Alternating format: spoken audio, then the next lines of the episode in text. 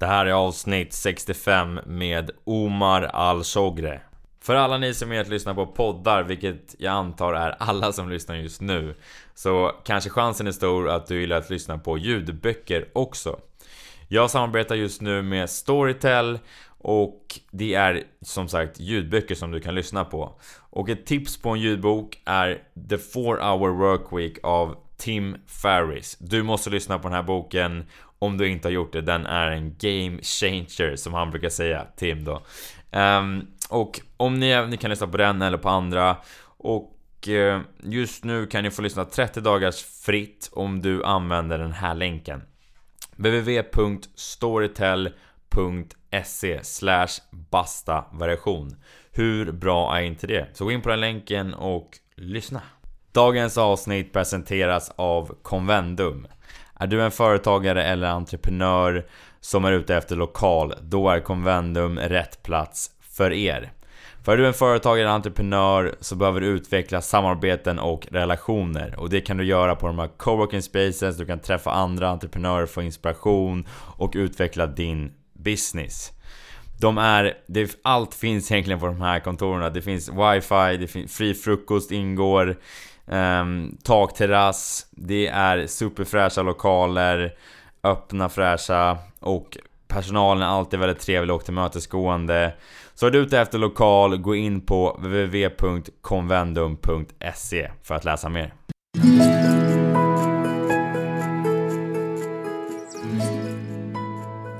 Välkommen till Bli din bästa version.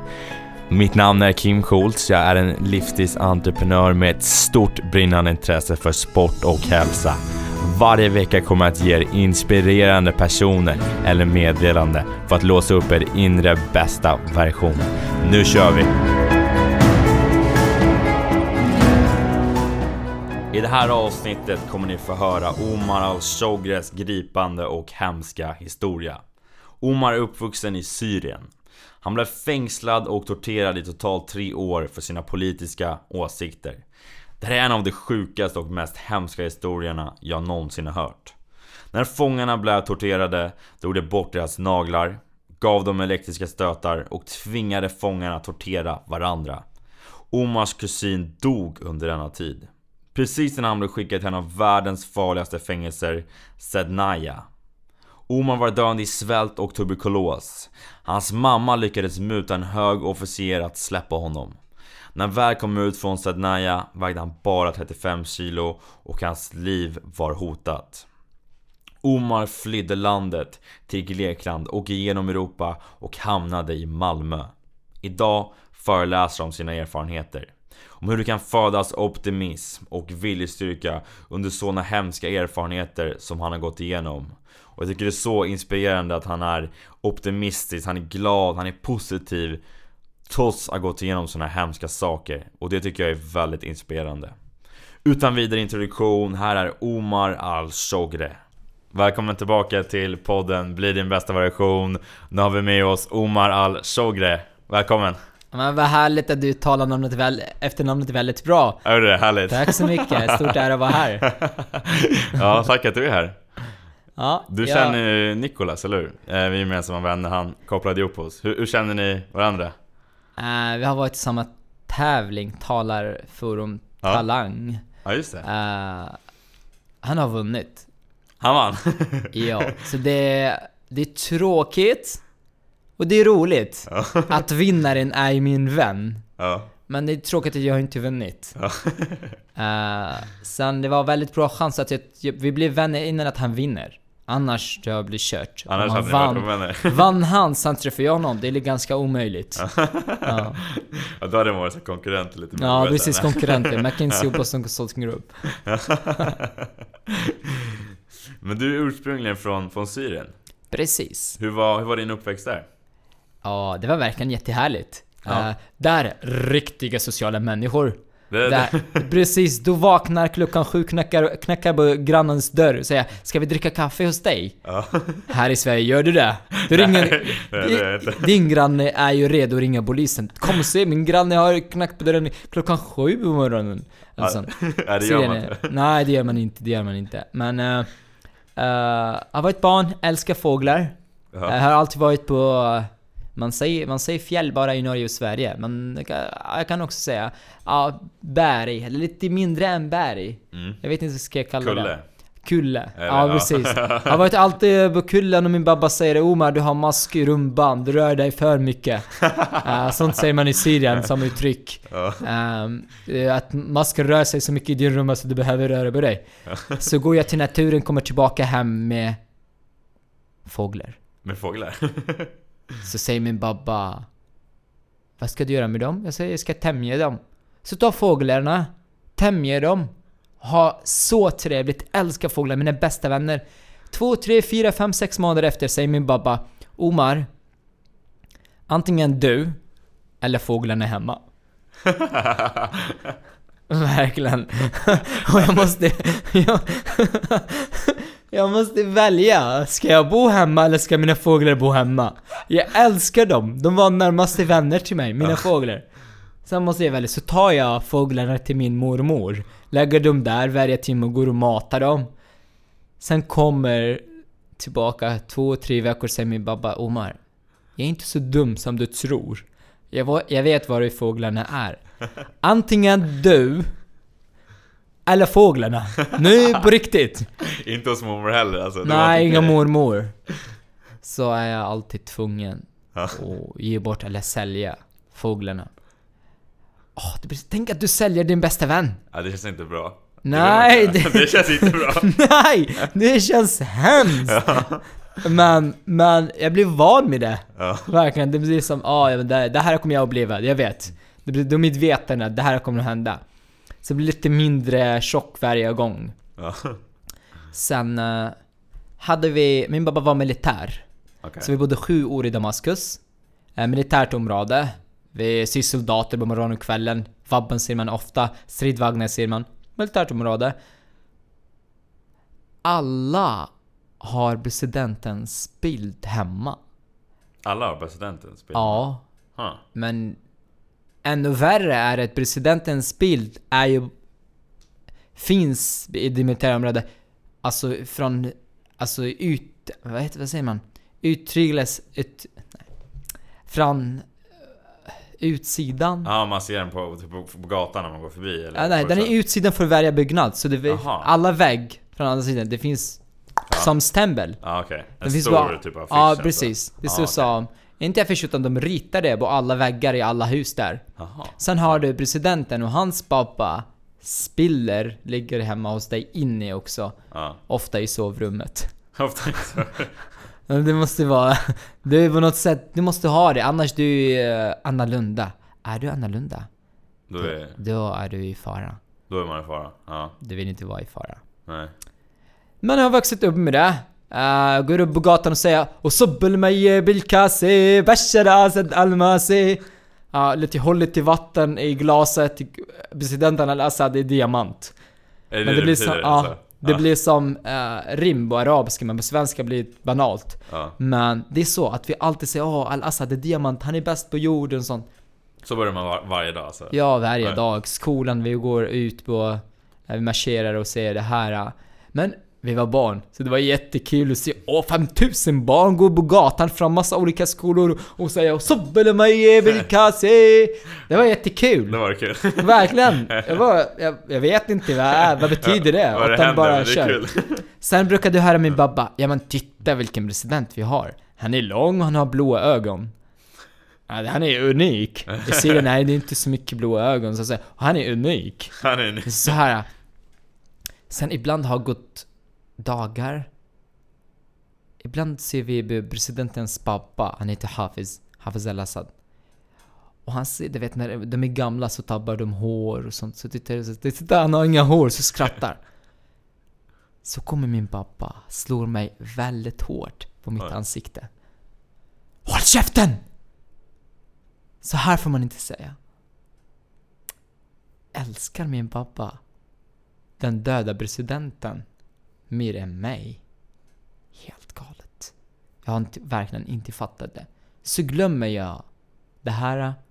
Sen blev det två, år ja, 2000. Var jag väldigt litet barn, fem år gammal. Då dör Hafez al-Assad. Alltså jag gick nu tillbaka Mm. tidigare. Så då hade jag den som jag sa om sitt hår.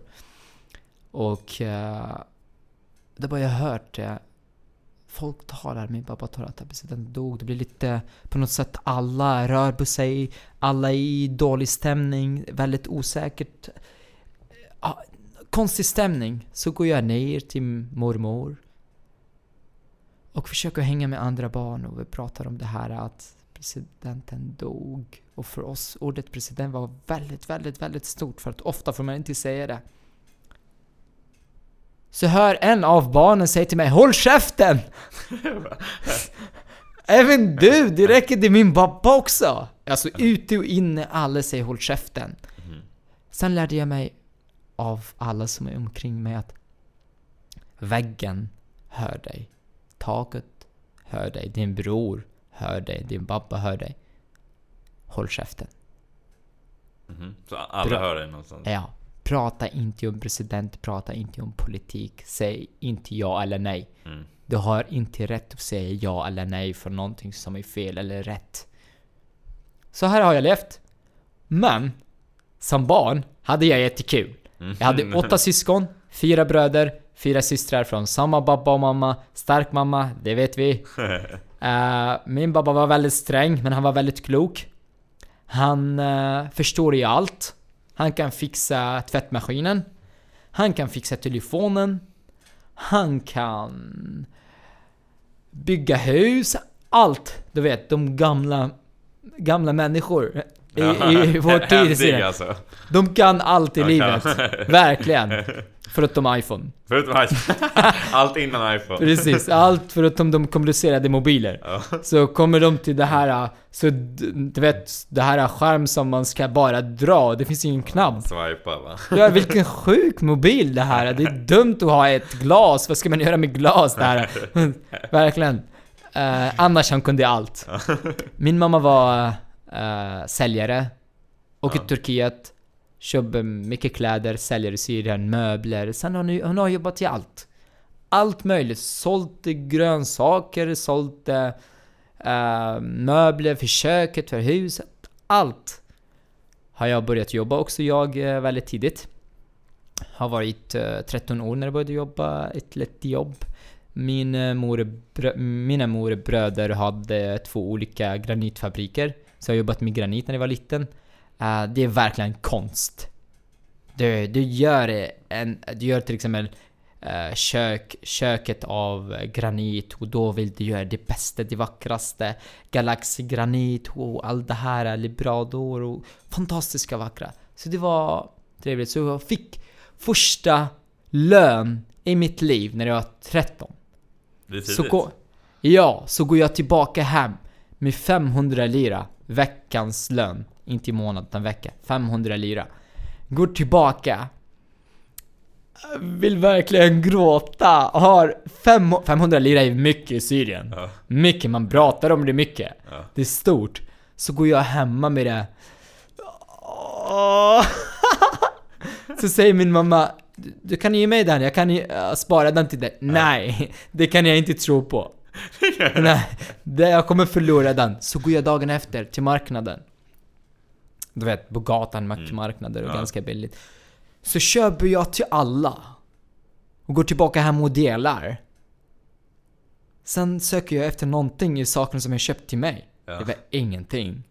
Inget kvar till dig själv. Verkligen, så kommer jag köpt till alla, även till min pappa har en liten sak, en liten plånbok. Så kommer jag ge honom, så jag säger "Eh, Varför du köpt det? Jag har köpt, jag har köpt, jag sa till honom Jag har köpt med alla min lön, allt min lön, jag har köpt saker till er. Det var det värsta jag sa, han blev jättearg. Du! Man ska spara pengar! Man kastar inte det på dumma saker! Köpa en plånbok till någon som har... Åh, så tråkigt att höra. Verkligen. Så jag vill att du ska tacka mig och säga åh vad glad att du har jobbat och att du tänker, tänker på mig och köpa present till mig och sånt. Så det var alltid, ja, besviket mig, men ja. Det var inte det du tänkte alltså? När du Nej, det är inte det jag tänkte. Sen började det bli lite konstig relation med min pappa. Ja. Riktigt konstig relation. Min pappa blev extra hård på allt. Allt möjligt. Plugget. Tänk, när det är sommar. När ni svenskar går eh, till Spanien och badar. sitter jag och mina syskon läser runt 6 timmar per dag. När det är sommar. Fem, sommaren? Ja, fem, fyra, fem, sex timmar per dag. Om vad? Vilken bok som helst. Tidningar. Läs vad som helst du ska läsa. Någonting. Ja, läsa min babba har bestämt att jag ska bli ingenjör och min, min bror borde bli ingenjör, min syster ska bli läkare. Så min babba har bestämt. Ja, vad, ska, vad ska varje person bli? Mm. Det här är i lag. Du måste... Du måste bli där. du måste följa. Du ska bli det. Du, inte måste, du, måste, du ska Mm. bli det. Det är ingen annan inga alternativ. tvivel, nej. Det finns riktigt straff så du Ja. verkligen kan plugga. Militärtjänsten och 25 år av hans jobb där har lärt honom bli militär även hemma med oss. Så när han tabbar sina nycklar så ropar han SAMLING! Så springer vi, står som i ordning med, med den äldsta. Mamma, äldsta syster, den andra. Sen så står vi så här som en linje. Oj. Så han säger fem minuter, nycklarna ska vara här. Får jag inte nycklarna får ingen vara hemma framför mina ögon. Oj. Riktig militär! det där är, Det det är. Eh, det här är väl militäruppfostrat. Uh, så ofta är min lillebror som var ganska bortskämd gömma nycklarna någonstans. Så att min babba i slutet säger Den som hämtar nycklarna får 50 lira. Så jag hämtar lillebror och säger Åh jag har hittat dem under Omars säng! Ja, precis. Så det, det var på något sätt, det var i, i, i dåtiden när det har hänt, var väldigt jobbigt. Mm. Men idag, tänka på det, det är så roligt. Jag skrattar så himla mycket på det Ja. idag. Verkligen. Det var, det, roliga minnen. ja, roliga och lärorika minnen. Ja. Eh, det var svår upplevelse, men det finns idéer bakom det här. Om du vill tänka. Du lär dig att hålla dig i ordning. Du lär dig att allt är väldigt viktigt. Du lär dig att du måste ta ansvar. Du ska vara självständig. Du ska också tänka på kollektiven och alla som är där. Mm. Det finns ett bra budskap, men det är dåliga metod i, Ja, alla fall. Jag rekommenderar inga svenska föräldrar att göra så. Mm. Vad, vad, vad har du lärt dig från dina föräldrar då? Vad sa du? Vad har du lärt dig från dina föräldrar skulle du säga? Eh, jag har lärt mig från min, babba att jag måste kunna allt. du måste kunna... Ja. Det låter hårt.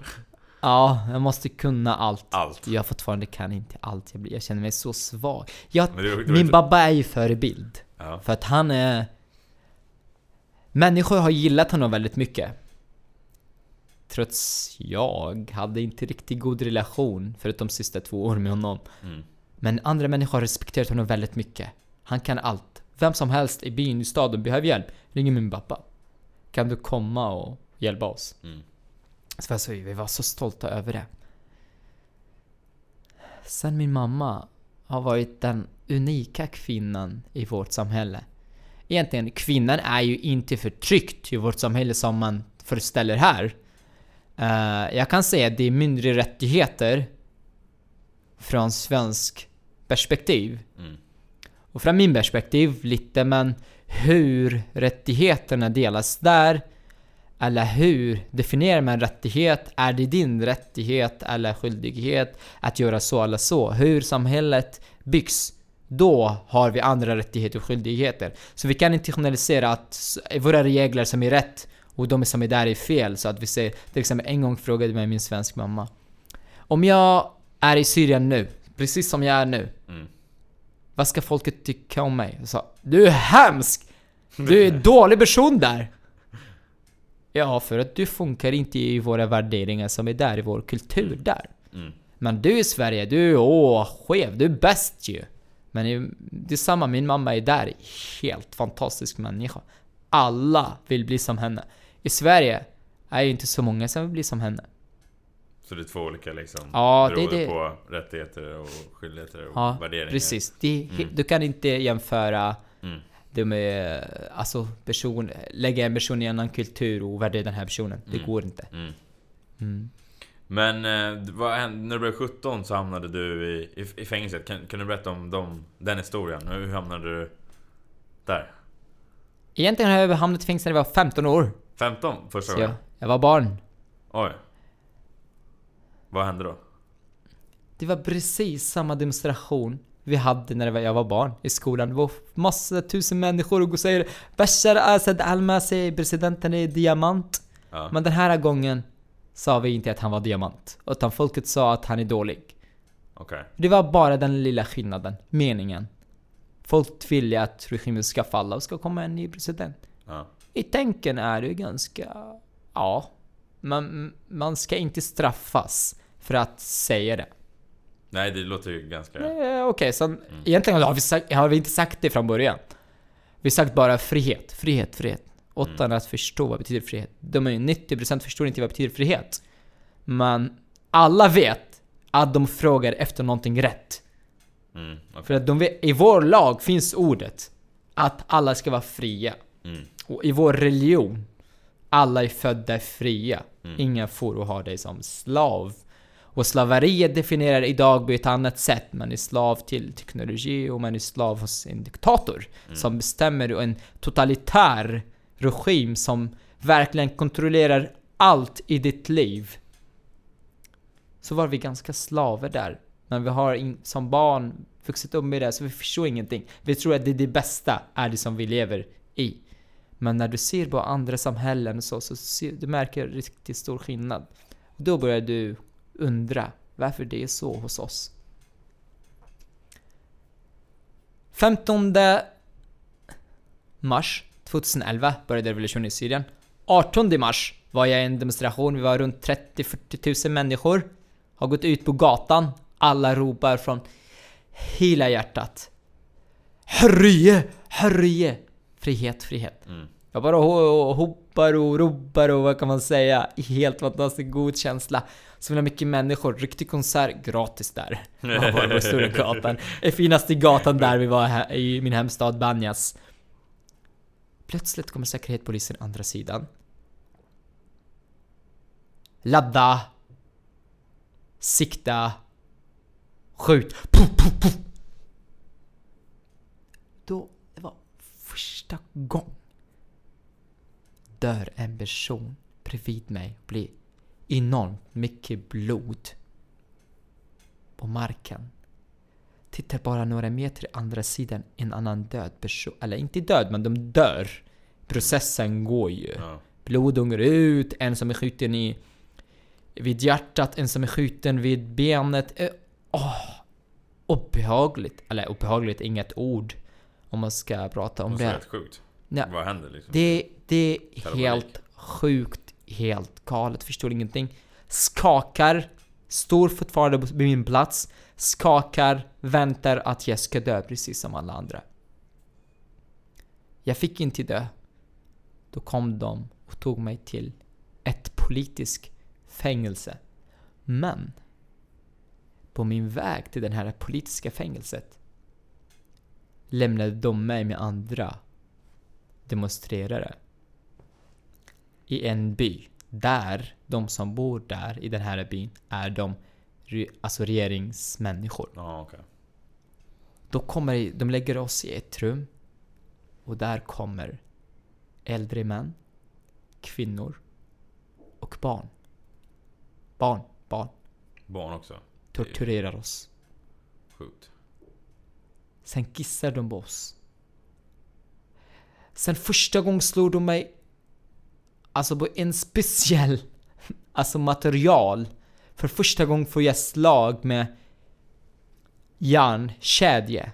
En Järnkärra, okej. Så var jag på något sätt väldigt tvungen att ta upp mitt ansikte för jag fick mycket ont. Ah, Hela kroppen så ville ta upp mig och röra på mig. Du tittar jag Ett barn som är max 10 år gammal Slår mig med kedja Ett barn alltså med 10 år. ett litet barn.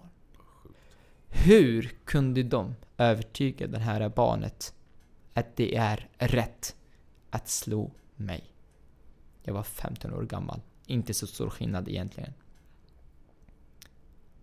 De tog mig till politiska fängelset efter det. Där, tortyr, tortyr, tortyr, tortyr. Två dagar. Ingen mat. Ingen vatten heller. Två dagar efter plötsligt kommer de och säger Ni måste vara stolta över era mammor och sånt. Vi förstår ingenting. Vi, när de bara säger mammor. Så jag blir verkligen väldigt rädd att de ska hämta min mamma till fängelset. Sen tar de oss med lastbilar och kastas och kastar de oss mitt på en stora gatan. Motorvägen. Och där runt 200-300 meter ser vi mycket människor. Men det är väldigt otydligt vad de, vad de gör eller sånt. Så är vi på något sätt tvungna att dra oss. Alla våra krubbar är ju ganska skadade. Mm. Så går vi till de här människor, så det var massa kvinnor. Det var de enda som överlevt politiska fängelser. Har varit, polisen tog inga kvinnor. Och alla män var i fängelset från den min lilla by Al-Baida. Så bara kvinnor var kvar, så de gjorde en demonstration, stått på motorvägen, kastat stora stenar. Plötsligt kommer ryska ambassadören, så stoppar de honom, tar honom och ringer regeringen. Om ni inte lämnar, alltså släpper ut alla våra män, då kan vi hålla ryska ambassadören och spela lite eh, fotboll med. Ja, Oj. så blir de lite rädda för ryska ambassadörer så lämnar de, äh, släpper de ut oss så kommer vi och överlever det. Och ut här, digga säger man. Va, va, vad tänker man när något sånt här händer? Alltså, vad, vad, vad, vad tänker du? Vad tänkte du? När det var i de här, alltså Ja. under de här två dagar.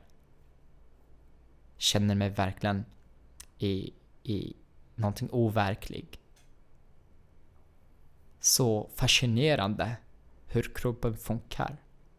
Och så fascinerande, hemskt fascinerande hur de här vakterna, deras hjärnor funkar och hjärtor. Deras hjärtan, säger man, funkar. Helt galet! Han slår mig med metalljärnkedja med, med sånt stor tjock, alltså det här pinna eller vad heter det, slår mig väldigt hårt. Hans skor som är ju 2 kilo, två kilogram och han är ju 100 kilogram, hoppar bara på mitt ansikte. På mitt ansikte så blir det helt galet hur den här personen tänker. Så släpps jag ut ur fängelset kommer jag till spegel för första gången. Sitter jag och min mamma, tar de små stenar som, alltså, som blir fast i mitt, på mitt ansikte, på mina kind när de lagt mig på golvet, slår mig och hoppar på mig. Fortfarande stenar var kvar. Så tar jag, kommer jag och min mamma tar bort stenar från mitt ansikte. Fy fan. Det var... Det måste vara helt sjukt. Alltså, Det- vad, vad? ofattbart säger man. Mm. Ja, Jag exakt. förstod ingenting. Det är bara att jag förstod ingenting. Jag tror det, det är det värsta som kan hända på jorden. Jag tror det, från mitt hjärta, att det är värre än helvetet. Mm. Som man kanske får som straff om man är dum i slutet Mm. Ja, i det det, andra livet. ja. Jag trodde verkligen på det, för det var känslan, det var inga känslor, det var någonting starkare än känsla. Det var inte bara rädd, det var värre. Men när jag släpptes, jag släpptes ut.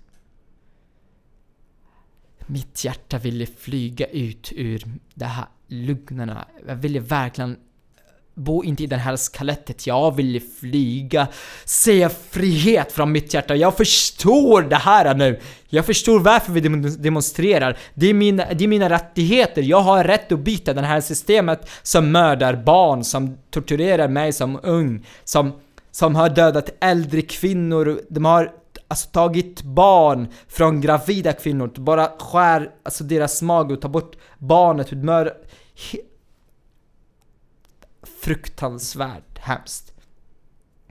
Så går jag direkt och demonstrerar. Igen. Jag har inte gått hem. Ja. De släppte mig ut ur fängelset, så går jag direkt till en stor demonstration. Shit. Mitt hjärta funkar för första gången. Efter två dagar tortyr. Verkligen. De har aktiverat det. Ja, Att jag förstår nu vad varandra. alltså folkets problem, vad folket lider av, de behöver. Mm. De behöver en revolution. Mm. Så går jag på gatan, ropar frihet, kommer säkerhetspolisen igen. Men nu vet jag hur saker går till. Springer jag till skogen. De kan inte, vi har Amazon där. Mycket skog. De kan absolut inte hitta oss där. Så jag springer till skogen. Ingen kan hämta mig. kommer tillbaka mitt på natten hem och sover på balkongen ifall de ska attackera oss under natten. Så en gång attackerar så hoppar jag från balkongen. Det är 4-5 meter högt. Hoppar jag där för att de kan inte komma den andra sidan balkongen.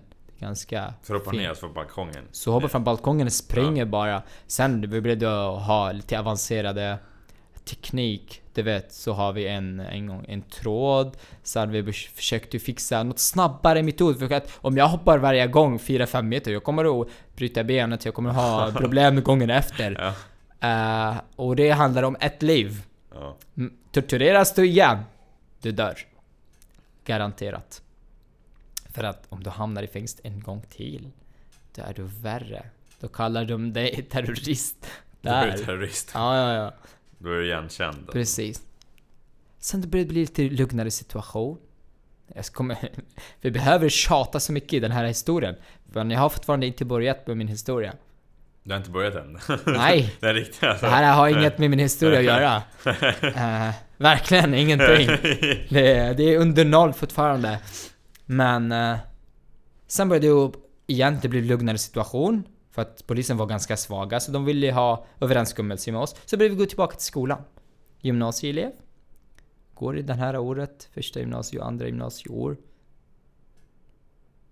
Sen vill jag upptäcka att demonstrera i skolan är det roligaste man kan göra i sitt liv. det, det är det Så, tar, så står jag mitt i skolan, säger Så här när vi har rast. Eh, Inte här, om man har rast så sitter man och äter eller så här dricka. För där har man rast så obligatoriskt du ska promenera i, i skol... eh, Miljön eller? Ja, eller- precis. eller- Där, det finns en skol för att... Ja, precis för att bla, be, promenera. Och där har du... Jag pratar om studenter 1000-2000. Oj. Så säger du... Herre, herre! Frihet, frihet. Ja. det är inte så många som vågar. För att många vet att det finns kikare. Det finns många säkerhetspolis överallt. Många studenter som är... eh, Säkerhets- Alltså... poliser. Jobbar. alltså. Som arbetar. Mm. Eh, många, de flesta är tvungna. Du har inget annat val. Mm. Sen har du rektorn. Är ju den värsta spionen. Alla lärare, spioner. Det kanske inte är deras val, men vill du inte bli spion till Säkerhetspolisen, då förlorar du ditt jobb. Oj. Så du måste ge dig bort. Vem gör demonstration? Vem tänker att börja tänka och göra demonstration? Mm. Så det är riktigt... Det är eh, ett spel alltså. ja, ja, ja, ja. Alla är alltså involverade i spelet. Mm. Så det... Det lyckades Al-Assad med väldigt bra. Han hade en stark nät där alla jobbar åt honom. Mm. Alla jobbar åt regeringen. Vill du öppna en falafelkiosk? Du behöver gå... Om du ska öppna en restaurang i Sverige, vem går du till för att få godkänd? Ja, Skatteverket eller till... Ja, men i Syrien går du till Säkerhetspolisen. Mm. Du har fem olika säkerhetspoliser som du måste besöka för att öppna falafelkiosk. Om du ska bygga ett hus, sista sak du går till kommunen. Men det första är säkerhetspolis, du måste godkänna. Och när du går dit, innan de godkänner, de säger Ja, men du vet, det blir väldigt bra om du samarbetar med oss alla för att vi vill ha säkerhet i landet. Varje person ska köpa falafel från dig om du känner att han har konstig färg. Om han tänker konstigt, du måste bara eh, säga till oss så att vi kan behandla Mm. eh, ärendet väldigt bra. Rapporterar man inte det, då förstör de hela falafelkiosken, hela ditt hus, det som du har byggt. Så allt behöver godkänt från säkerhetspolisen. Det är komplicerat. Vill du flyga? Mellan land till land eller you know, hela, Mm. du behöver godkänt från säkerhetspolisen. Så allt går via? Allt. Alltså. Wow. Ja, men de det var väldigt bra att man får äta utan att fråga säkerhetspolisen. Det var väldigt bra, skönt. Men, de visste vad vi äter. det visste man äter. Så bra koll. En gång attackerade de skolan och tog mig. Från 2000 studenter, de har valt mig. Tog mig till fängelset, torterade mig. Och sa Du har demonstrerat. Jag sa nej! Absolut inte! Inte Jag har aldrig, jag har aldrig tänkt att demonstrera. Jag älskar presidenten! Inte bara han, han och hans barn och pappa och hela familjeträdet älskar jag. Så säger de, nej du har demonstrerat. Så säger jag, nej. Så slog de mig, sen kommer Nej men vi har bilder på dig när du demonstrerar. Så jag trodde den ville skrämma mig. Så säger jag nej. Så jäkla dåligt kommer han med bilden. Och säger du, jag gav dig vattnet när du var i demonstrationen. Hade jag ögonbindel, jag ser ingenting när de torterar mig. Så han säger, jag gav dig vattnet för att dricka när du var i demonstrationen. Det betyder att du är antingen lärare eller student. Du som torturerar mig. Så det är mycket mer komplicerat än vad man tror. Sen hamnade i fängelset igen, igen och igen. Det blir kontroll för ID-kort. Hamnar, tar vakten ID-kortet. Vad heter du? Omar! Va? Omar, vet du vem är Omar också? Den för 1350 eller 75 år sedan var en ledare som heter Omar bin Khattab. Han var muslimsk ledare som har dödat mycket av de alawiter, den gruppen som har makten i Syrien. Han har dödat mycket av dem. Så alla som heter Omar är ju skyldiga idag. Då tar de mig till fängelse två gånger. Bara för mitt namn. Min babba var militär. Mm. Så han hade lite kontakt i säkerhetspolisbranschen. Mm. Då kunde han komma, muta dem, ta 50 000 och lite kaktus och lite fisk och sånt. Ja, jag, vill, jag vill bara ge dig det här som present men uh, skulle du kunna hjälpa mig att hämta min son? Så ja, ja, ja, ja, ja, så länge det finns 50 000 och sånt. Sen hamnade jag i fängelset. Det var sista gymnasieår. Hamnade i fängelset för sista gång. Det var nummer sju. Nummer har, sju då? Ja, vi har Sju hoppat gånger. över många nu. Men det var gång nummer sju. Det var det sista. Det var sista, okej. Och det var en ny bransch. Där tar de mig med mina tre kusiner. Bashir och Rashad och en kusin som är tjej, Noor. En hel månad. Tortyr. 16 timmar tortyr per dag. Tortyr, tortyr. Hur förstår du ordet vet jag inte, men de bara börjar med att ta ut, dra ut dina naglar från dina fingrar och vad heter det, tummarna. Dra ut dem. Och du är tvungen att se när de gör det. Det andra hänger de upp dig till taket så dina, dina bak, alltså dina axlar är, kommer fram bakom ryggen så hänger upp dig till taket och du, allt vikt läggs på axlarna. Du, du, förstör, du, du förstörs dina axlar. Sen kommer de med alltså, alltså det här är elpinne att tortera dig med elektricitet. Sen kommer de med riktig elektricitet. En riktig, riktig elektricitet som, som du, som du tänder lampan med. Ja. Och kommer, då slår de bara, bara kabeln kommer till din, till din ben. Då ser du när ditt kött, kött, kött flyger. Fy fan. Wow. Och ännu värre är när de sätter mig på en stol och säger titta framför dig. I andra sidan framför mig torturerar de mina tre kusiner och säger så länge du inte pratar att du har dödat militärer och har vapen och din babba är terrorist och din mamma är samma sak och ni jobbar för USA och ni är spioner till Israel och ni jobbar med Al-Qaida då kommer jag fortsätta torturera dem. Vill du att jag ska torturera dem på grund av att du är tyst? Jag torturerar dem på grund av dig, Omar. Ah, det gör ont i hjärtat. Min kusin och den andra, den tredje som är tjej, får tortyr på grund av min tystnad för att jag ska inte säga att jag är terrorist eller jag är spion för tre konkurrenter. Ah, till ja, spion. Jag försökte ställa frågan, men det funkar inte att vara spion till Al-Qaida, Israel och USA samtidigt. Det går inte! Och till Saudiarabien. Det går inte! Det borde gå Omar. Så säger jag, efter det här blivit trött, så kommer han sista gången med elektricitet som är... Och först hade han något äh, vätska. Han läggde som en X på min hals. Eller min nack. Och då slår han elektricitet här på mina armar. Men elektricitet känns att det kommer från nacken. No, okay. Och det var det värsta. Och där sa jag stopp. Jag har dödat en militär.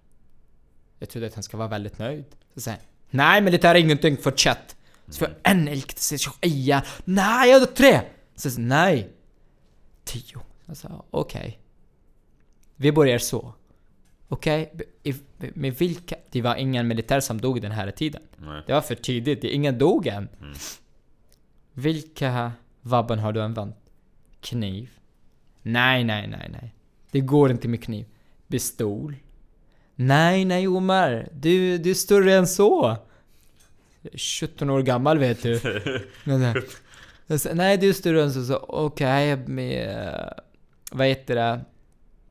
Ah, vi kallar det Rosie. Ja, och det. Klasjnikov. En Kalashnikov? Ja, Ryskt så här, ja eller? ryska. Okej. Och då sen säger han okej, sen jag måste nämn, ge namnet på alla militärer jag har dödat. Och ingen som dog än. Så jag säger jag har- kommer inte ihåg. Så, säger, så slår han mig tills jag började hitta på namn. Han var ännu värre, frågade hur gamla är de? Hade jag varit deras bästa vän? Jag kunde inte hur, vilken år de är födda. Tänk att jag pratar om fantasi på något sätt. Så här har jag inte sagt såklart, men jag bara vill förklara nu. De ville inte, de ville bara fylla på papper. Mm. Så att du på något sätt kommer att dö i politiska fängelser. Efter en månad transporterar de oss till ett politiskt fängelse, nummer 200. Jag kommer hoppa över några för att vi har, vi hinner prata. Presenter, transporterar mig till branschnummer 291. Sex timmar tortyr utan stopp. Sen transporteras till bransch 215. Där bodde jag ett år och nio månader. Jag fick 40 centimeter gånger 40 centimeter som plats. Som jag delar med en annan person. 40 gånger 40. 40 Med en gånger till. 40. Mindre än vad rumban sitter på just nu. Och där ska jag leva, de här 40 centimeter. Systemet är 4 timmar tortyr, 4 timmar sömn, en timme mellan mat och toa. Och en timme går här och där. Och resten sitter du och man får inte prata.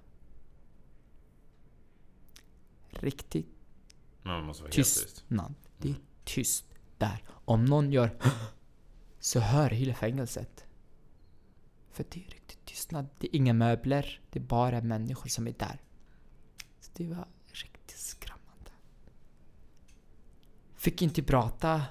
Sen började lära mig att viska. Så hade en person bredvid mig och frågade hur länge har du varit här? Så han säger tre månader, så jag blev väldigt chockad och trött. Hur kan man leva här tre månader? Mm. Men efter ett år Efter visste jag hur lever man här mer än tre månader. Så det var där alltså ett år som du... Precis, men, men efter bara tre månader där. Du vet, vi alla sitter i mindre än tight plats.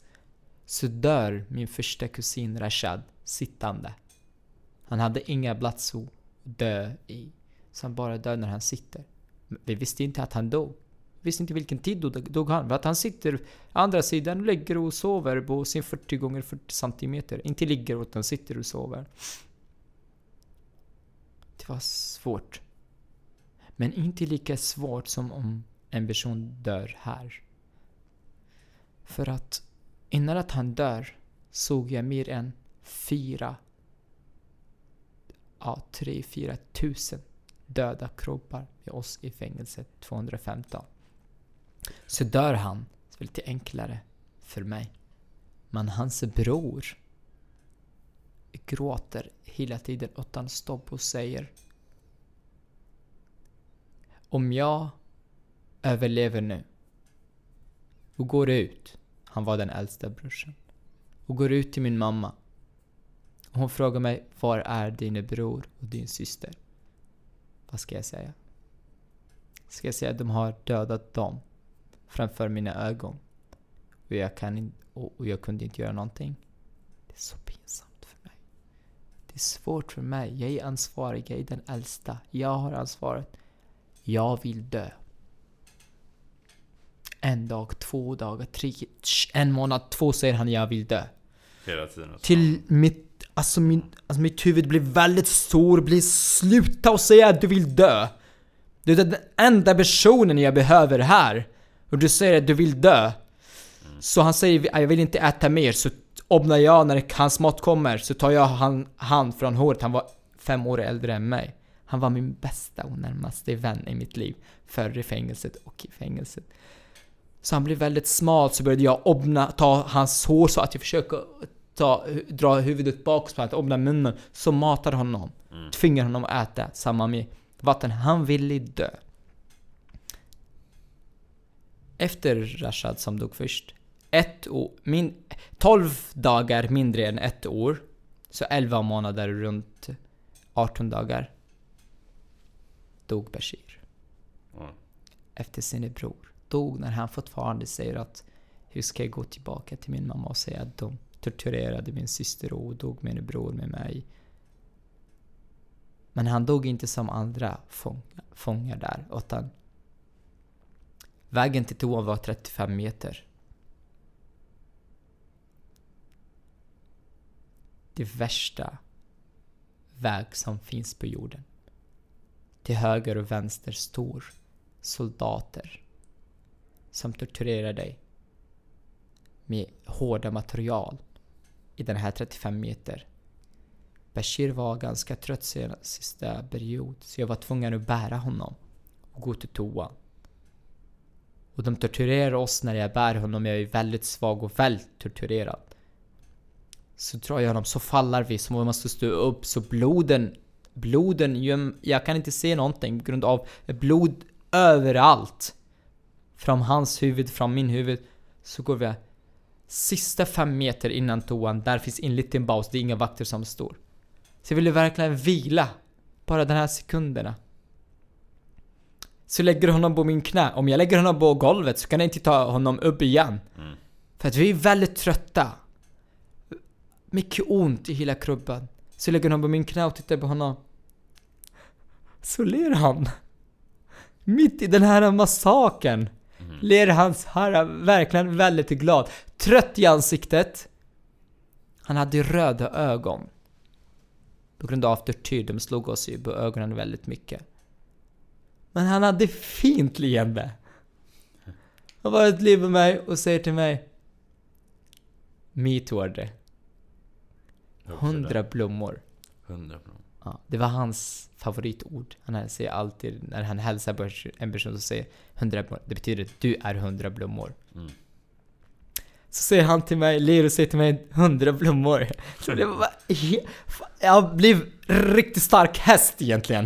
Uh. Och det är så starkt fick energi så jag bara bär honom, springer. Sista fem meter tortyr, det var ingenting. Verkligen, de bara laddat upp mig. Så kommer jag in till toan. I toan får man 10 sekunder på sig. Vakten står utanför dörren, räknar ett, två, tre, nio, tio! Kommer in till rummet, tar det och börjar slå dig, tortera dig. Men Bashir har överlevt i toan bara runt fyra sekunder. Fyra sekunder är fantastiskt för oss. Det drömmer ju att ha det i lugnt och ro. Nej.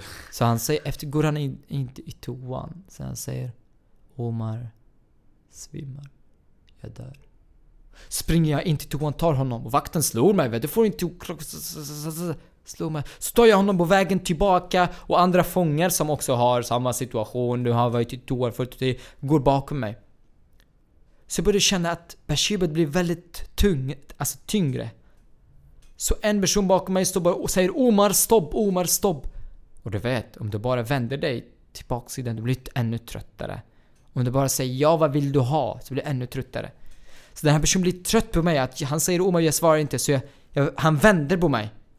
Hans naglar kommer in på, min, på mina axlar. För att han håller så. Så vänder han mig och säger Du! Titta! Bashir dog.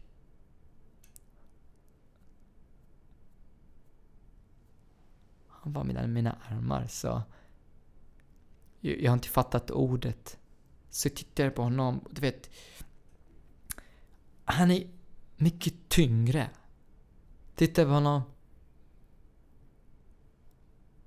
Försöker skaka. Det var svårt att skaka. Tungt. Skaka. Skaka. Han rör inte på sig. Han började falla. Från mina armar. Fortfarande för tortyr. Han är död och han får fortfarande lite tortyr och jag får samma sak. Sen försöker jag bara igen ta upp honom och dra till ett ställe där finns inget tortyr. Och lägger honom på golvet. Och tittar på honom. Egentligen har jag bara, när jag tittade på hans ansikte, jag bara såg hans brorsans ansikte som dog ett år tidigare. Det var helt galet. Det blev ingen annan mer som kommer att hjälpa mig nu. Jag är den enda människan som var... Jag var yngst där. Och jag är ensam. Det finns massa fångar. Men du vet inte vilken fånge är spion. Många fångar är ju spioner. Spioner Många fångar är säkerhetspolis. Som får tortyr så att de ska se ut torterade och kommer ner till oss. Och ge oss mat ibland, hjälpa oss som fångar, de blir hungriga. För att få mycket av oss. Våra tankar och vad vill vi att det ska ske mm. och sånt. Sjukt. Vad svårt. Allt kontrollerat sen dör Rashad och dör Bashir som jag tror på dem. Och min tjejkusin var i sex, va, sjätte varningen, så jag visste ingenting om henne. Vi bara trodde att hon dog under tortyren.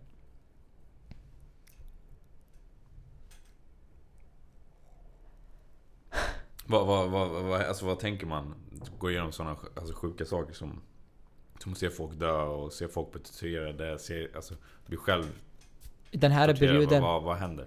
Vad, vad tänker man? Vad, vad går man igenom? När, när det såg första personen som dör av tortyr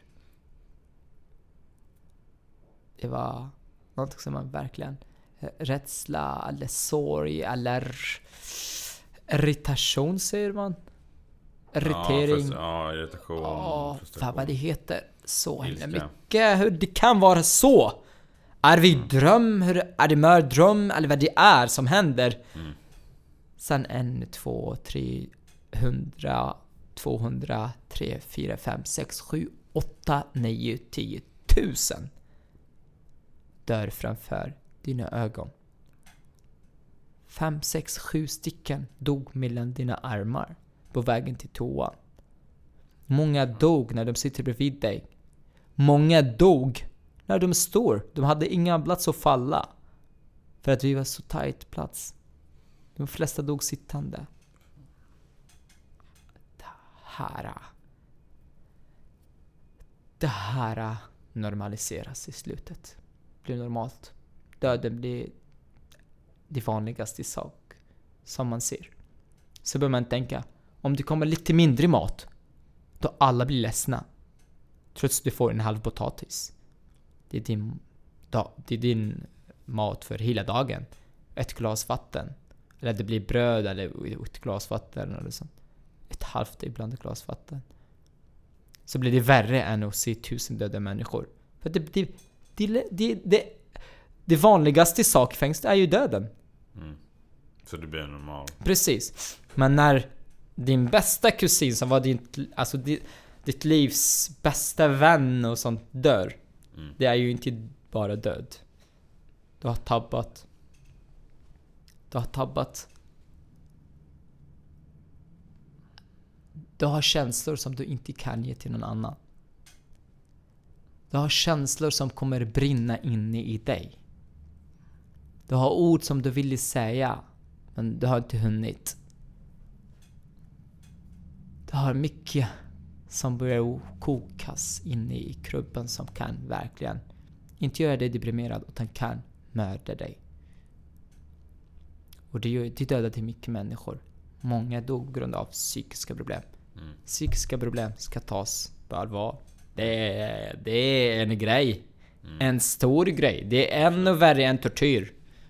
Ännu värre än tortyr. Det är värre än tortyr alltså? Ja, mycket värre än, än fysisk. Mm. Psykisk, hemskt. Det, det är där det händer i mm. psykiskt alltså. Från 215 flyttade de mig till 248. Därifrån flyttade de mig till annat fängelse, Kabul. Sen flyttade de mig till Saidnaya. Vi kallar det berget. Mm. Jabal. Det är väl en av de värsta eller största eller? Det är ju värsta Mm. på jorden. Trots när jag var i första fängelset, trodde det var värst. Första två dagar i första fängelset. Det var någonting som man aldrig kan föreställa. När jag upplevt nästa fängelse, då tänkte jag nej, om jag, de skickar mig till den förra, då kommer jag ha lyx Mm. jämfört med det här. Sen flyttade de mig till 215, ett år och nio månader, 40 gånger 40 centimeter. Fyra timmar tortyr minst, så mycket värre och psykisk tortyr. Sen flyttade de mig till Saidnaya. Drömmen i.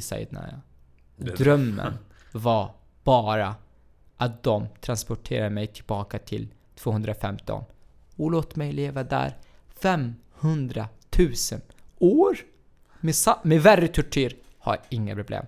Jag skulle älska det. Men låt inte mig vara i Sydney en minut till.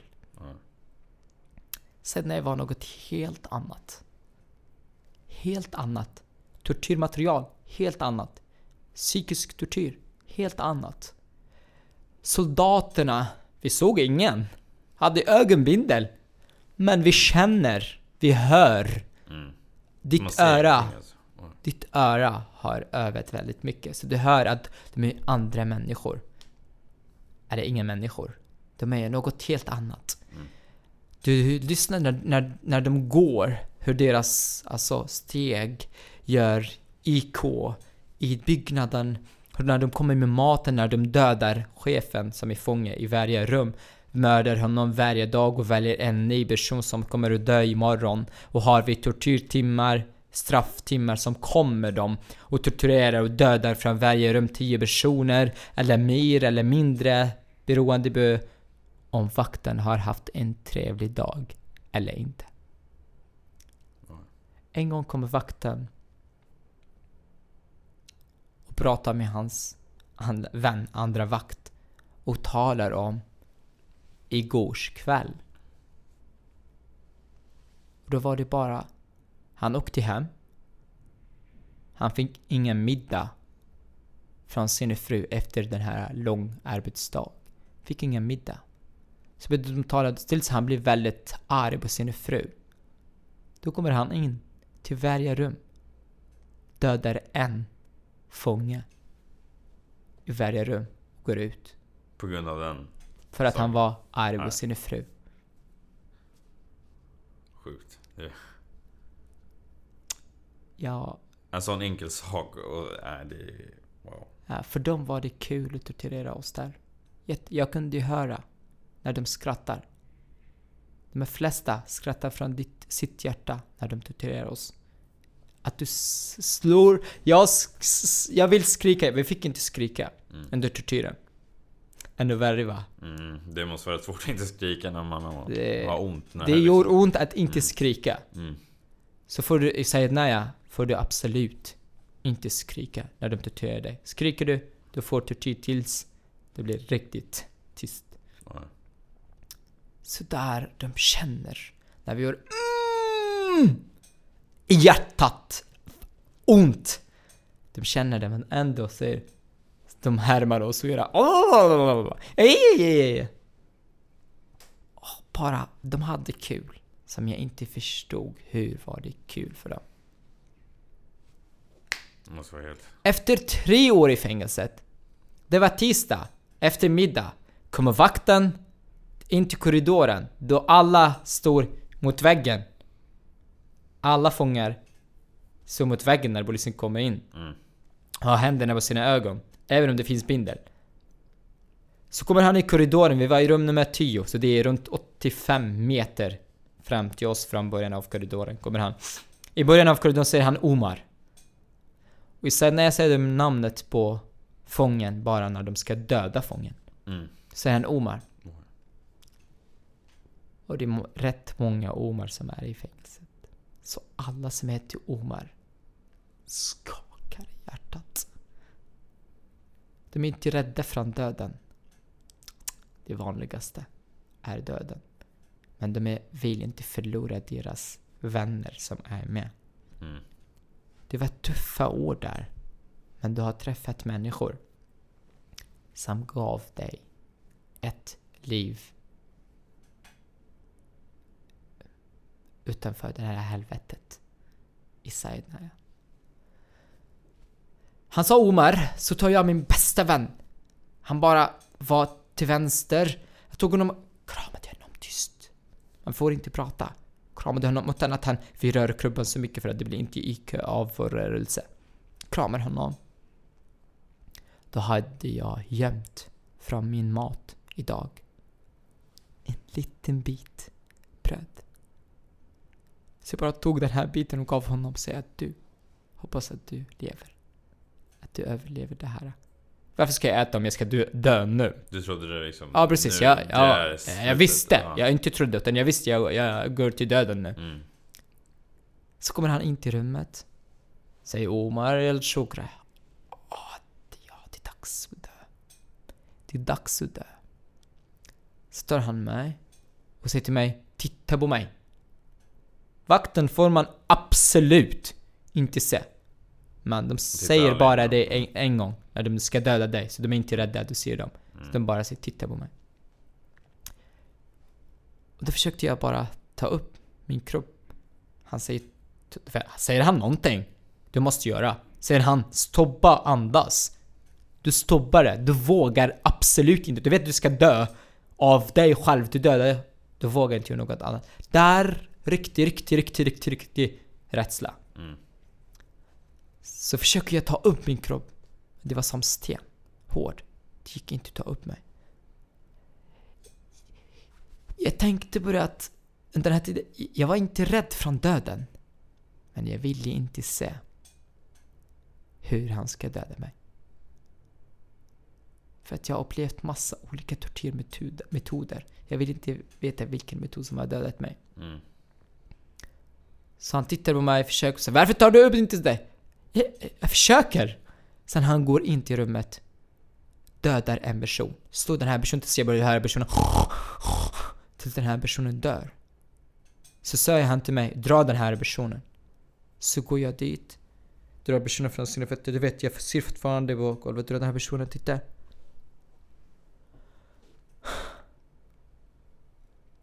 Det var han. Jag kramat och gav honom brödet. Det var han min bästa vän. Var han som. Han har Ja. dödat honom. Fy fan. Precis. Så dog han innan att han äter brödet. Han dog innan att jag dör. Så drar jag hans kropp. För att han vill att jag ska ta hans kropp till döda rummet. Dödrummet där finns... Det kallas isoleringsrum. Azl. Och där finns hundra döda kroppar varje dag.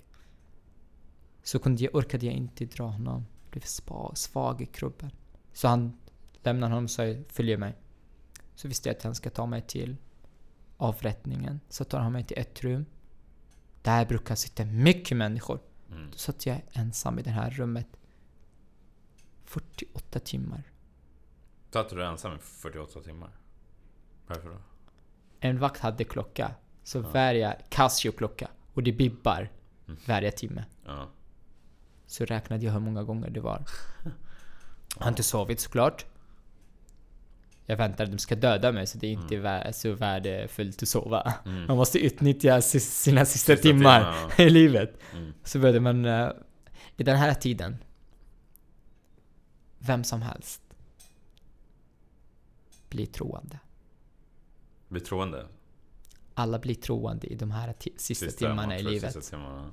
Då börjar man tänka. Vad tänkte du då? Men tänker.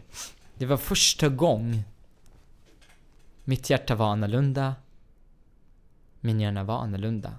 Det blev bara automatisk koppling och tro på Gud. Som har verkligen förmågan att ge mig ett bättre liv. Som ger mig belöning för allt jag upplevt. Ge mig det allra bästa och straffar dem som riktigt skyldiga och torterat mig Mm. som ett litet barn. Så jag, jag började att be. Jag är muslim från grunden, Mm. men jag har bett på ett helt annat sätt. Jag kunde inte kontrollera hur ska jag be. Mm. Jag vet inte. Nu är jag på ett väldigt speciellt sätt. Mm. Och det är... Jag, jag, så, jag sa ingenting. Jag bara känner att... Det finns någon, någon som kontrollerar det här. Det kommer bli bra. Jag var trygg. Det kommer lösa sig någonting. Ja, ja, ja, ja. ja. Jag hade tro på Gud. Mm. Jag älskade Gud. Han älskar mig. Mm. Jag kommer att dö, men det kommer bli bra efter det. Ja, just det. Så tar de mig, men i de här 48 timmar, varje gång klockan pipar, Typ, ja. kommer vakten, öppnar lilla fönstret från dörren och frågar mig. Kan du föreställa dig vilken fråga ställer han? Nej, nej, jag har har ingen aning. Och jag måste ge svar. Ja, Han frågar mig. Hur vill du dö. att jag ska mörda dig? Ja. Den här, den här skrämmande rösten. Obligatoriskt att svara. Så svarar jag ett svar med en tråd, hänger en tråd på och med min röst skakar. Fy fan. Det är inte kul. Bara se den bilden. Jag måste, måste, Ah, ja, du föreställer bilden. allt, du får känslan. Mm. Hela känslan när du, du föreställer när de hänger, alltså den här tråden du lägger i halsen och de tar bort stolen. Du, du känner det, inte bara föreställer du känner det i din Mm. kropp. En gång, två gånger, tre gånger, fyra gånger, tio gånger hade jag svar. Sen försvinner svaren, det finns inget annat att säga. Jag kunde upptäcka mer. Och säga mer. Kreativ re- hjärna. Verkligen. Det är så mycket metoder. Hur ska man döda en människa som var jag? Mm. Sen tar de mig efter 48 timmar. Och de säger "Ah, ah, Nu är det dags, nu är det dags, nu mördar vi dig. Nu gör vi drömmen som vi har drömt på. Så tar de mig och lägger mig på sidan av vid motorvägen. Ser ingenting, lägger på golvet. Hör när sanden under militärens skor krossar lite med skoren, det blir lite konstigt ljud. Bakom militären, på grund av rösten så vet jag att bakom militären står en linje, en rad av soldater. Militären pratar lite så mycket dåliga ord. Alltså, sen säger han Ja men nu är det slut, nu är det dags, det, det, det räcker, ladda! Sikta! Du vet, här, det blir... Det blir något annat. Jag är nära! Mm. Nära ett annat liv. Mm. Jag hade riktigt god tro på ett annat liv. Skjut! Puff!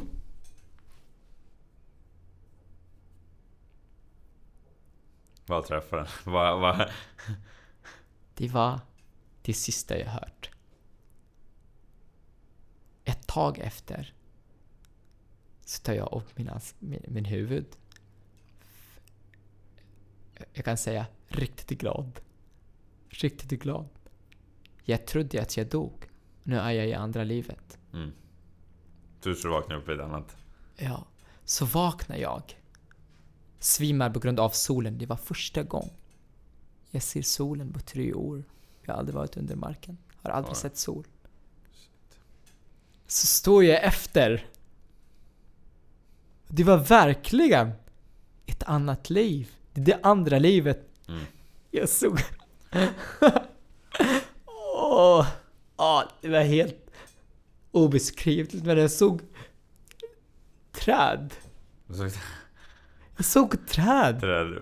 Det var grön, eh, brun, det var färg! Mm, Det var, det var mål, det var grejen, det var färg. Mm. En fågel! Min eh, favorit i livet! Ja. Fågel, mina bästa vänner. Flyger.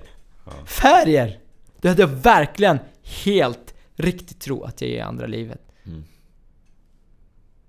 Sen, sen plötsligt kom den här, kom ihåg den här puff, Så jag tittade på min kropp. För att jag bara började titta på min kropp för att ville se kulan. Mm. Jag bara kände att jag för, det finns kula, jag har blivit skjuten. Så tittar Så tittar jag på min kropp. Det fanns tortyrmärke. I varje centimeter. Åh, fy fan.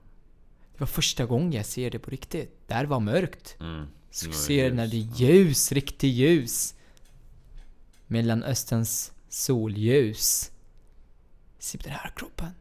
Tittar på min ben. Vet du vad jag hittar där? Några mask, masker. Äter min kött. Eller mina ben. Hade inga kött. Eh, Fy fan. Panik. Det var inte så, så trevlig Eh, andra liv som jag har förväntat mig. Där började jag verkligen förstå att det är inte jag i ett annat liv. Utan jag är fortfarande jag är kvar. kvar i Mm. det här livet. Jag var ledsen. Sen tittade jag omkring mig till höger och vänster. Ensam här. Jag vill verkligen lämnas tillbaka till fängelset. Där, Vill du Där- tillbaka? där kände jag många. Jag fick tortyr, men jag blev van. Ja. Jag fick lite till mat, men blev, min mag blev van. Lite till vatten, jag blev van. Det var... Men jag kan inte vara ensam. Mm. Jag ville vara tillbaka. Till de sista människor jag lämnat. Jag ville gå tillbaka till min bästa vän kropp. Och ta honom. På något sätt skydda hans kropp bara. Att inte masken äter hela kroppen. Jag ville bara tillbaka till dem. Andra sidan på något sätt få tänka att familj är ut, jag är ut. Då kommer jag inte ihåg någonting av hela familjen. Jag känner ingen igen. Jag, jag, jag förstår inte vem jag är egentligen. Förutom att jag har varit i Saidna i fängelset. Det var det enda jag kunde. Och att de sa jag heter Omar för att de har ropat Omar Mm. hämtat mig. Så vet inte min fam- min, vem min familj är. Och vem min mamma. Det som jag, älskar är att ordet mamma, med meningen, sitter fast i hjärnan. Du satt fast? Även om man glömmer allt. Mm. Ah, det här sitter fast. Och det var som var konstigt men samtidigt fascinerande att jag har glömt allt förutom varje liten detalj i de politiska fängelser. All små detaljer kan jag verkligen nu. Mm. Från början till slutet. Det är hemskt alltså. Min, jag kan beskriva varje platta jag sett på. Mm. Med varje detalj. Jag kan beskriva vägen när jag tog Bashir till toan första gång mellan mina armar. Och andra gång. Och allt, allt ord han sa. Kan jag. Men jag kunde inte komma ihåg något annat. Bussen stoppar.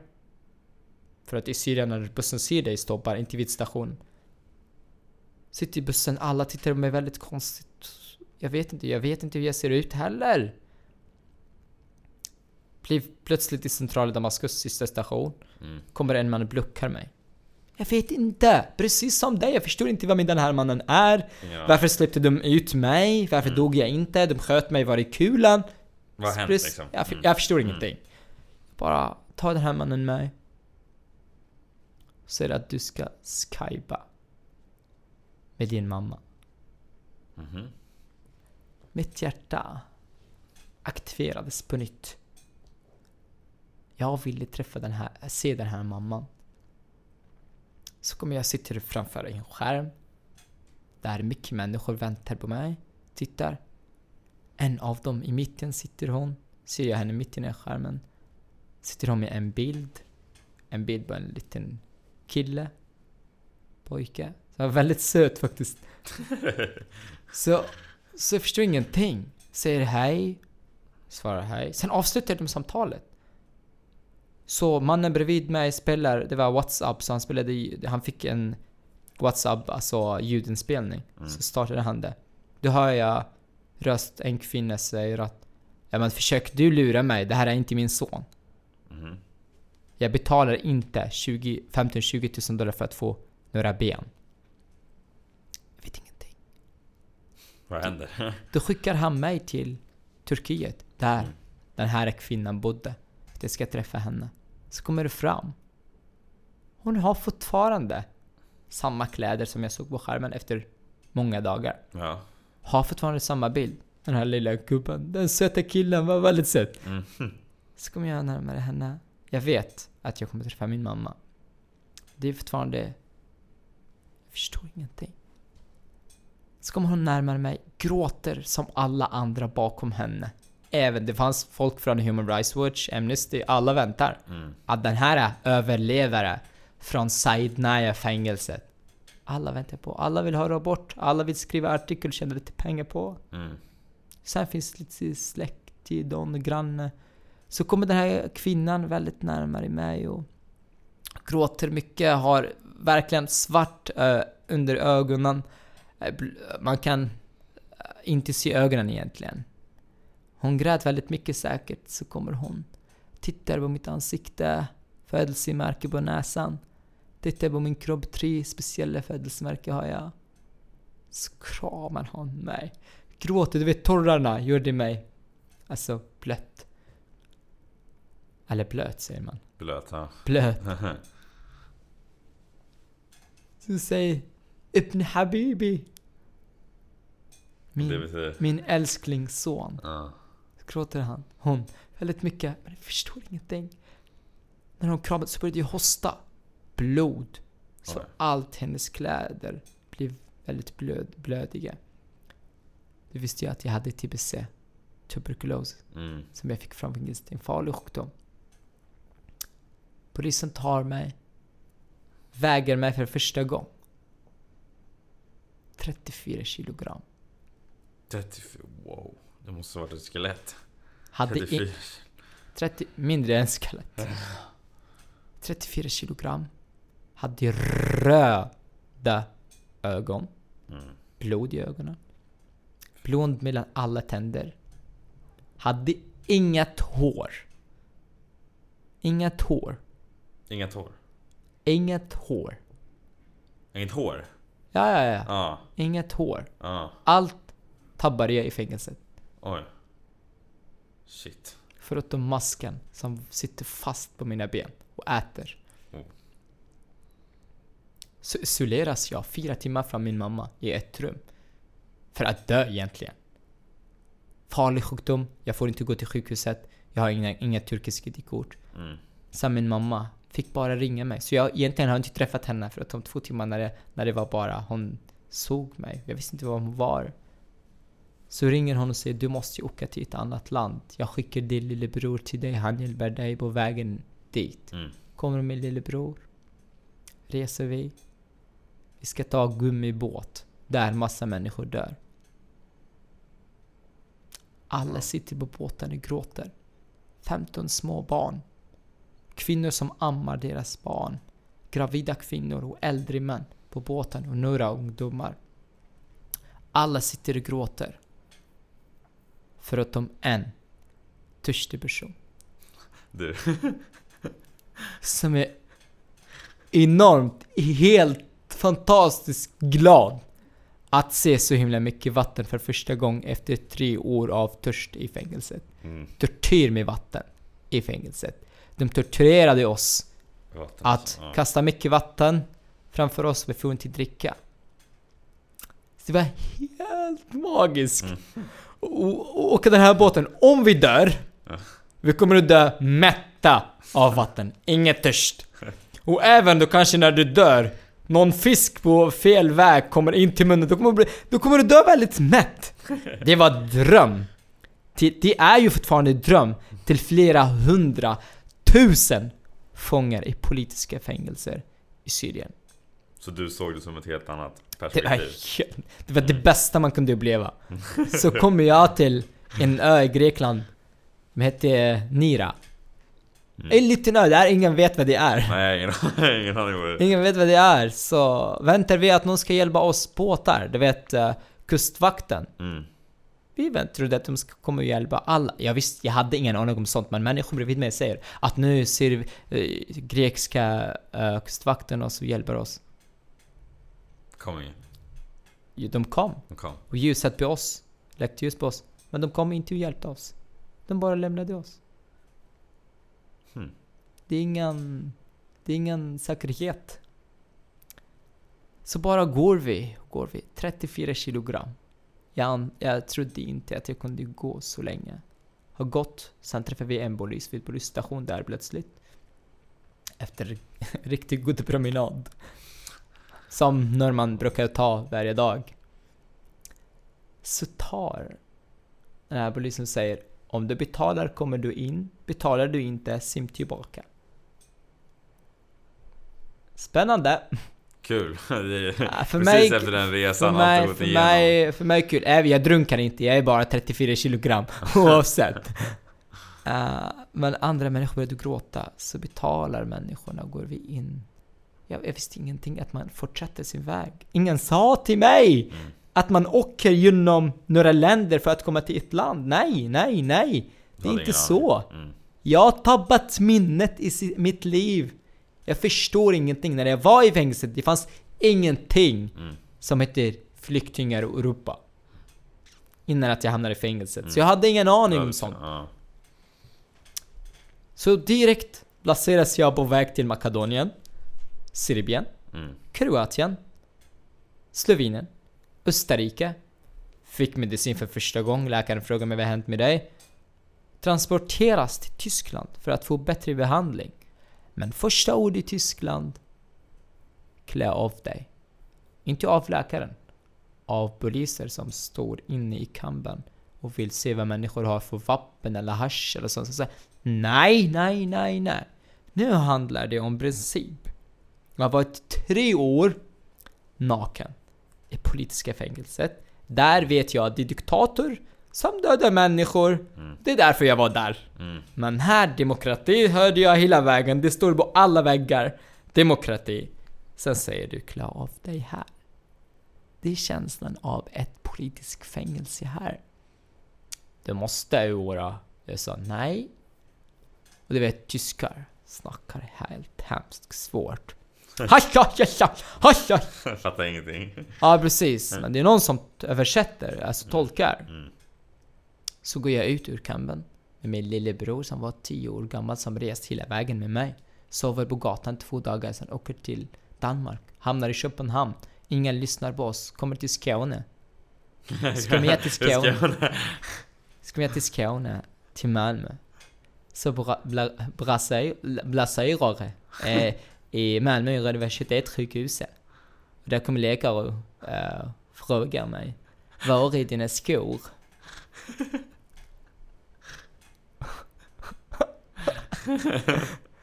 och jag bara skrattar! Så tittar läkaren på mig. Jag ser väldigt, väldigt, väldigt, väldigt sjuk ut. Han frågar mig varför skrattar du? Tolk översätter. Mm. Så säger jag, jag är glad att jag lever. Så han tar upp min tröja. För att han vill ju, du vet läkare, första sak, lyssna på Mm. hjärtat kanske. Mm. Så han, står han upp min tröja. Så ser han mycket tortyrmärken. Som jag inte blir inte så mycket glad över, som blir väldigt chockad. Vad har hänt med dig? Jag var inte säga nej, ett politiskt fängelse. Hur gammal är du? 20, 20 och ett halvt. Det är 21, jag vet inte. Hur länge har du varit här? Där. Mm. Tre år. Fyra år. Sen, det var barn. Mm. Ja, jag var yngre än ett barn. Mm. Jag var väldigt barnslig när jag hamnade där. Hade ingen koll på någonting i livet. Så gråter han och går ut. Så kommer han tillbaka och pratar. Så skrattar jag. Mm. Så säger han Varför skrattar du? Du är sjuk. Säger Ja men jag är glad att jag lever. Sen en gång, han blev, det känns väldigt konstigt för honom. Så varför du skrattar? Du- Jag vill bara förstå varför du skrattar. Mm. Det är tolv som översätter så säger Ta det inte personligt men Du snackar så roligt. det är lätt.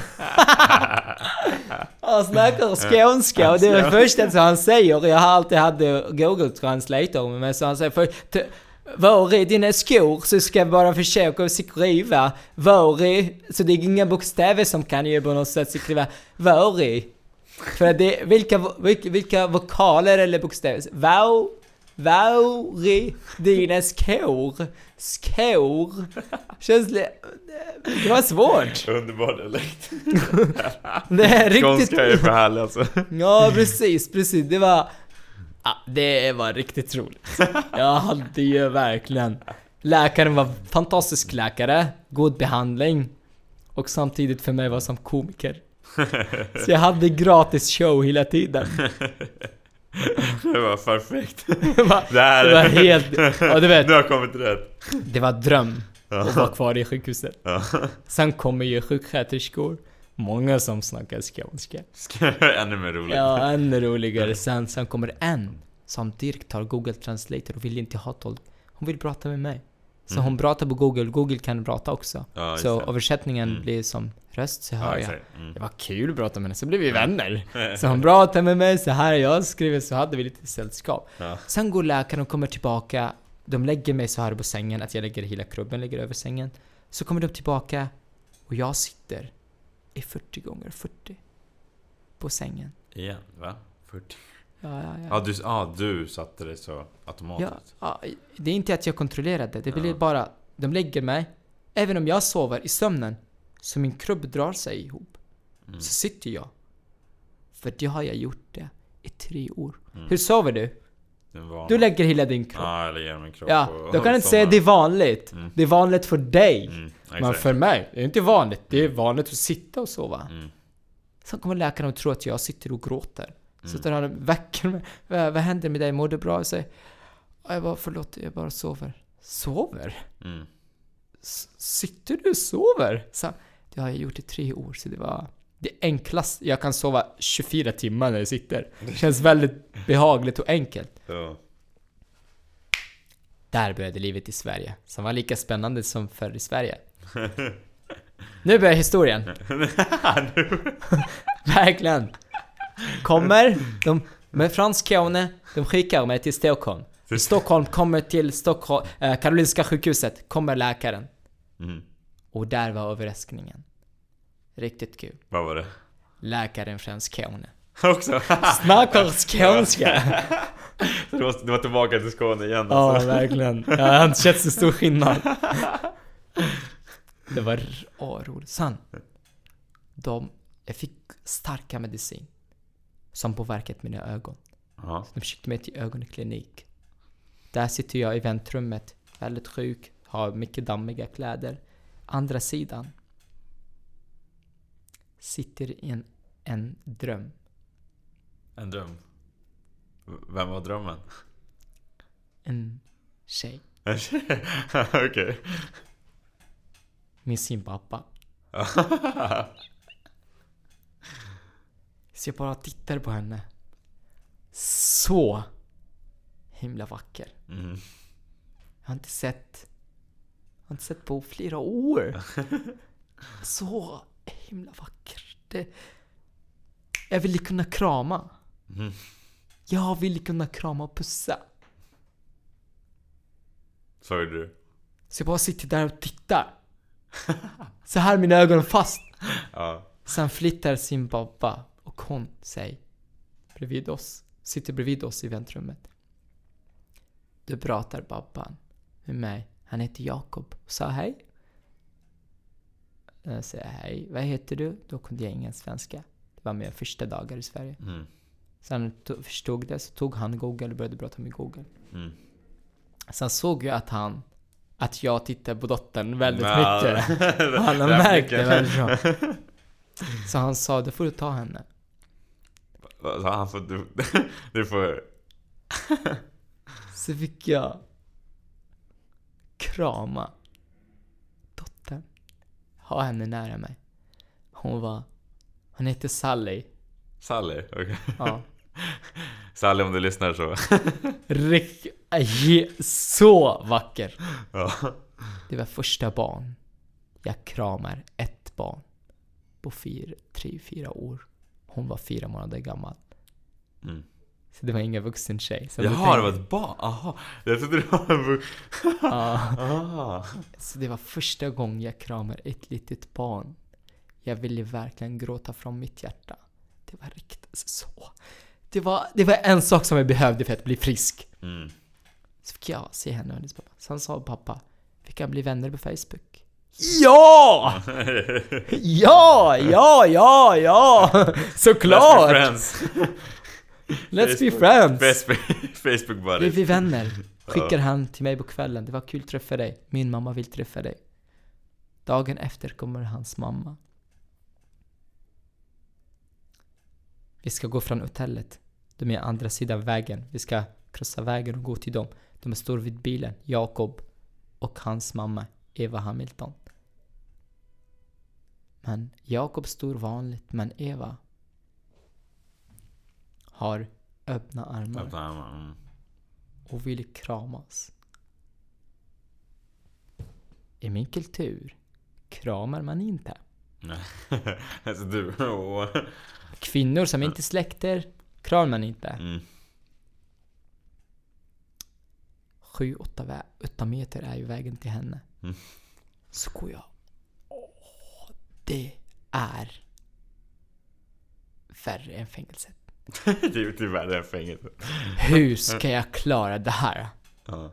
Det här är en riktig utmaning. Det här har jag aldrig upplevt. ja. Hur ska jag göra? Hur ska jag bete Hur ska jag mig? göra? Mm. Men det som var ännu värre. Att bredvid mig går min lillebror. Som säger Omar! Om du kramar henne, jag ringer våra släktingar och mamma och säger att du hemsk, dum, omoralisk. Du har gjort massor med fel. Massa med fel. Det är stort fel i vårt Ja. samhälle och det förstår man. Så kommer jag närmare svettig. Jag hann bli svettig. Det var, det var december. Ja. Jag bli- Han blir riktigt svettig så kommer jag hon Det bara, bara kramar henne precis gick som hela kroppen i krambas och så, så kramar det väldigt fort. Drar tillbaka, hon kände det var lite konstig stämning. Lite, Men hon förstod ingenting. Ja. Så går vi upp till vårt rum, pratar lite. Vi pratar med Google. Så skriver jag, alla pratar jag, så översätter Google. Mm. En av de här gångerna sa hon du det här till mig. Det som Google sa. Som jag har skrivit och Google sagt. Sa hon, är det här till mig? Sa jag. Så. Är du säker? Sen började jag se hennes ansikte började bli lite röd. Så, uh, nej. Vänta. Sen bara pratade på Google. Om det är någonting bra, då är det jag säger det till dig. Är det någonting dåligt, då Google förstår inte arabiska. Så det var mycket dåliga ord som var där. Som Google säger. Jag säger någonting väldigt fint. Mm. Men Google kan inte arabiska som att översätta med engelska bokstäver. Okej, ja. Så översätter Google något helt annat dåliga ord som man inte säger till mamma eller en god vän. Aha, så hon blev väldigt... Som blir väldigt... Mm. Vad händer? Vad sa okej, jag? jag förstår. Detsamma när Jakob skickar till mig på engelska eller svenska. Meddelande på Messenger. Mm. Jag, tar, jag kunde inget av de här språken. Mm. Så jag tar det till Google, translator, översätter. Sen skriver för, försöker att förstå. Mm. Att ofta gick inte. Sen skriver jag på arabiska. Och översätter till svenska eller engelska. Sen skickar jag till Jakob. Mm. Det var en riktigt god, eh, lång process. Mm. Bara för att säga hej. Hur mår du? Sån Sen, första gången skriver han Hur mår du? Då kan jag förstå det. Mm. Gången efter Hur läget? Då fattar du inte.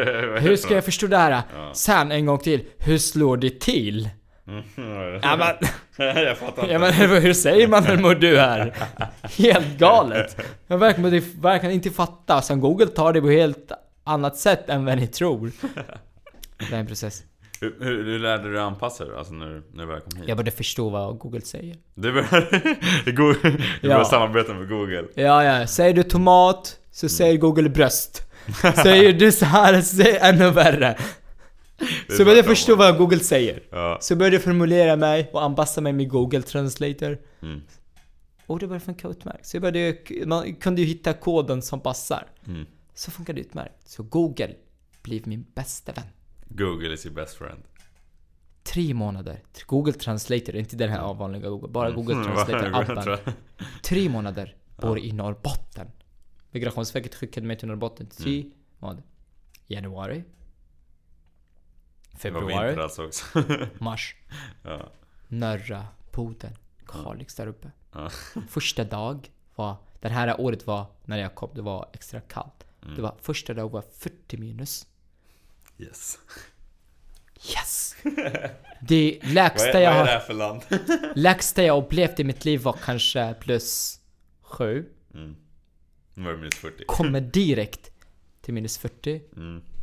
Vad är det här? De hade i huset den här, eh, vad heter det, som vet i temperaturen. Ah, temperaturmätare. Ah, Ja. temperaturmätare. Och då tittade jag på den. De har den lång, så inte som, vi, har- som vi har i Syrien. Därför som vi har i Syrien bara över, över plus och över. Här långt ner och... Här, långt ner, där uppe. Så tittar jag på den, verkligen förstår inte, så jag försöker vända på den. fel. Det står fel, så vänder jag på den. Det är helt galet. Så sover vi. Sen vaknar. Så tittar jag, ja ah, det var kväll fortfarande. Så lägger jag mig igen. Så vaknar. Det var fortfarande kväll. Tittar jag på klockan, ja men klockan är trasig. Igen. Sover igen. Och igen. Och öppnar fönstret, det är mörkt. när, när kommer dagen? Jag hade inte anställt mig för, för den här nordiska... Där kommer solen! Den kommer aldrig. Va? Så verkligen förstår jag att det är inga sol här. Lisbeth och Astrid Carbin. Ja. Alltså Astrid Carbin. Vem, vem, vem är det? Alltså jag lyckades så mycket med tjejer. Superbra i Sverige. Kommer först träffa Sally. Ja. Hon var ganska ung. Väldigt, väldigt ung. Lite, lite ung. Ja. Sen träffade jag Lisbeth och Astrid Garbi. Astrid, hon är den som jag hängt med, hon och Lisbeth, i tre månader i Norrbotten. Du vet, på kvällarna, på dagarna. Mm. Hon är hos mig, jag är hos henne, Lisbeth hos mig, Lis- Astrid hos mig, ja, och byter. Karbin. De bor i Karbinvägen. Karbin. Karbinvägen. Det är de enda som bor där. Det finns ingen annan, så det är Karbinvägen. Det är de som bor där. Precis. Så de är hos mig. Och jag älskar det. Astrid. Så vill hänga extra mycket. Så hon... Så jag hjälper mig till saker hon pratar svenska med mig. Det är inget annat språk heller. Astrid var 75 år gammal. Och Lisbeth var 50, fem- eh, 54. Ja. Så hängde jag med dem hela tiden. Det var de yngsta jag kände där. Det fanns, det fanns lite äldre, men jag har inte hunnit få riktigt god relation. Så, det ena var barn. Ja, Ja, de var... Astrid var... Bra åldersspannen. Hon var äldre än min mormor. Mm. Och Lisbeth var äldre än min mor. Lisbeth är ju Astrids dotter. Ja, just det. Hon var... Lisbeth och Astrid är ju godaste människor du kan träffa i hela Norrbotten. Ja. Omöjligt, obeskrivligt hur snälla är de där uppe?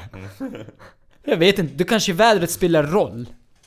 Snön gör människor snällare? Jag Det kanske står det. Jag vet inte Ja. heller. Jag hade varit där uppe så långt Sen- upp jag vet inte. Sam bra tar de! Så långsamt!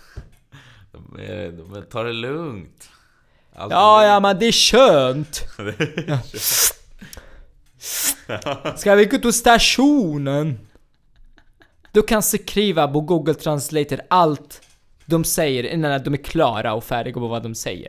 Så de ska säga station, jag kan skriva klart station innan hon är klar med ordet. ja, det var helt fantastiskt bra skola. Tre månader har lärt mig så enormt mycket svenska. Flyttade till Stockholm. Eva Hamilton, Jakob, Kalle, William, Felix, Jasmin, Fanny, Sally och hennes bror Henry. Sally Albi kallar jag henne. Sally. är bara känd för Sally Albi nu. Sally Albi. Albi betyder mitt hjärta på arabiska. Aha. Så flyttade jag till dem. Jag fick, alla sa kom flytta till oss. Så flyttade jag dit, jag och min lillebror. Och då kunde jag kommunicera lite på svenska. Mm. Sen började min resa med föreläsningar. Just det. Det är det Min- du gör då. Min bästa vän, Det jag. Anton Danielsson. Ja, det är du. Det är du. Du är den andra.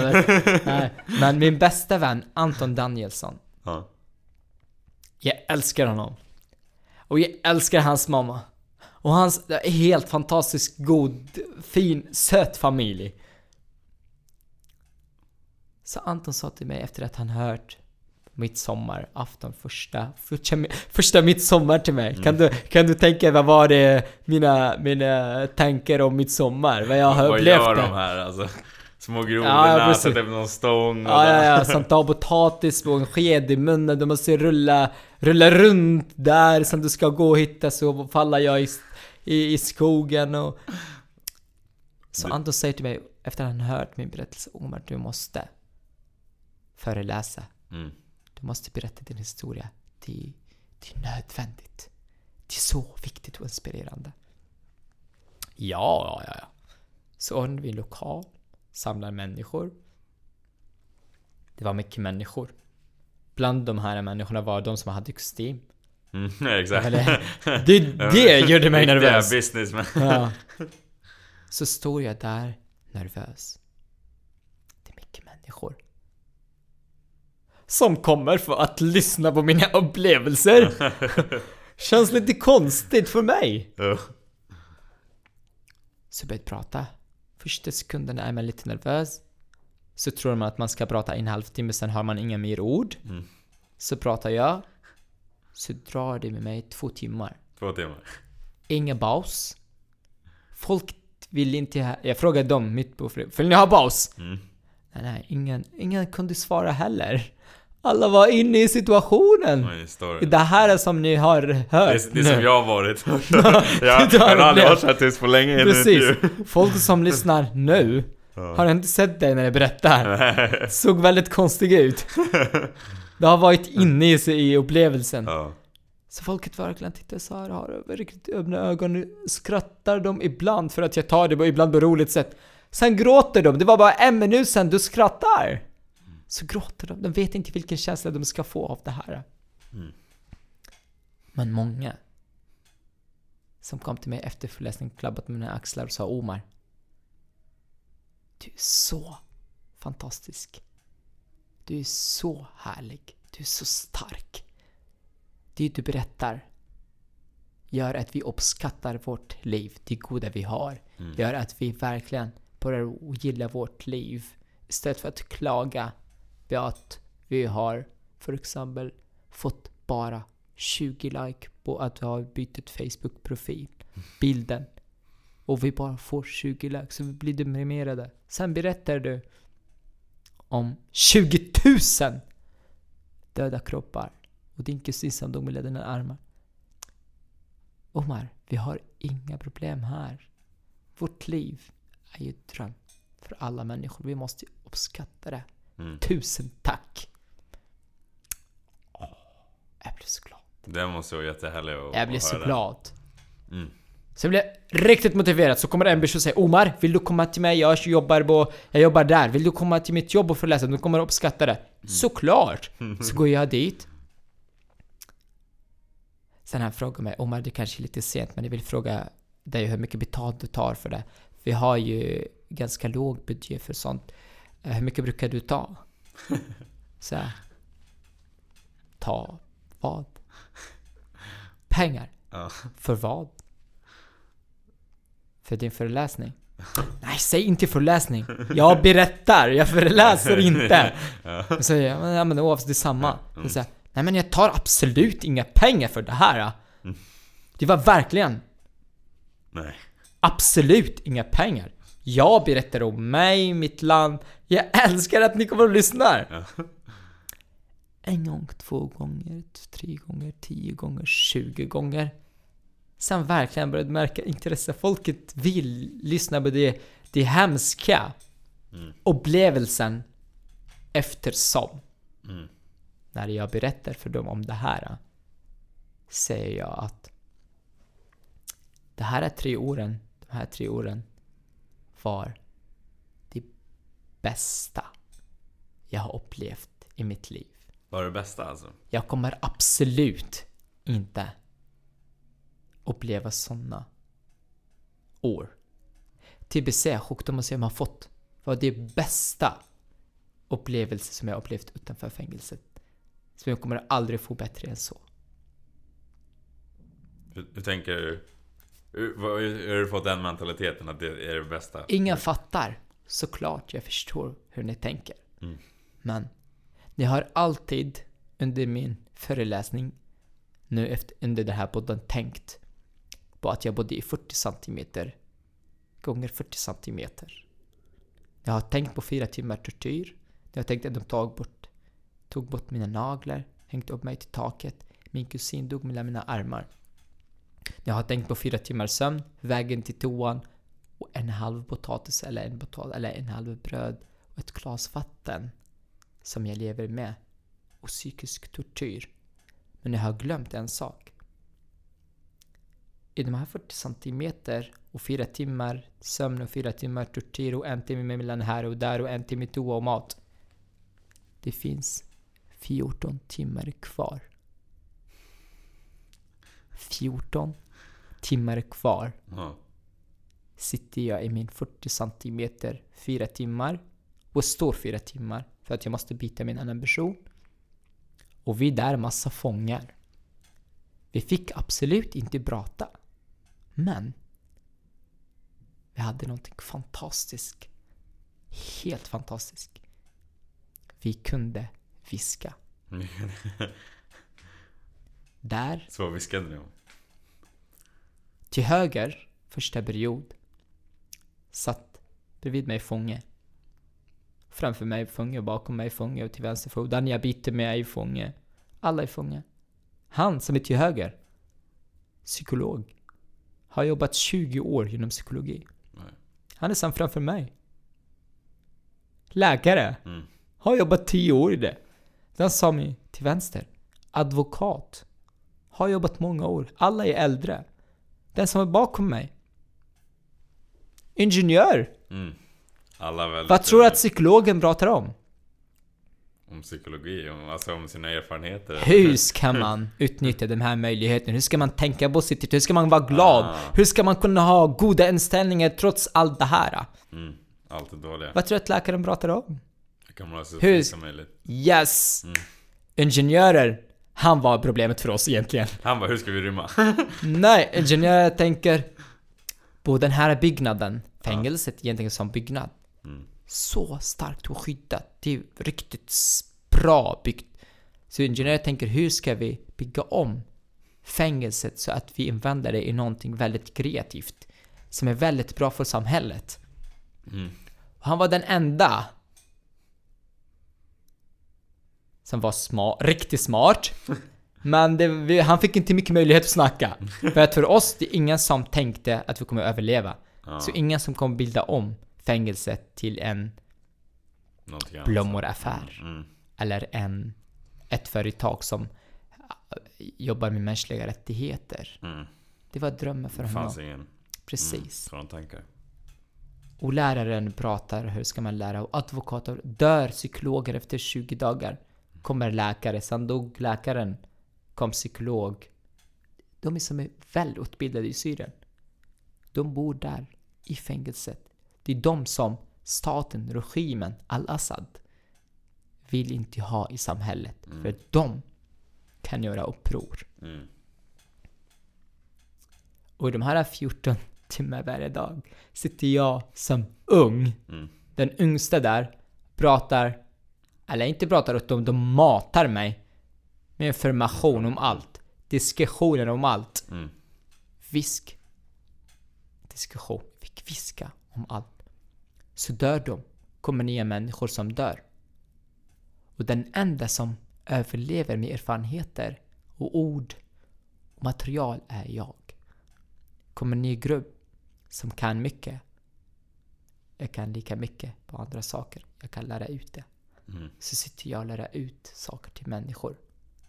Det var universitet. Vad universitet är de här 14? Det var universitet av Mm. fiskningar. Och det är namnet på min föreläsning. Det är det som är namnet? Ja. Universitetet av viskningar? Universitet Ah. av fiskningar. University of Whispers. Ah, coolt. Riktigt bra va? där. Sen har jag också har gjort en Facebook-sida som heter 40 cm in the university. Ja, Där skriver jag om universitetet där. ja.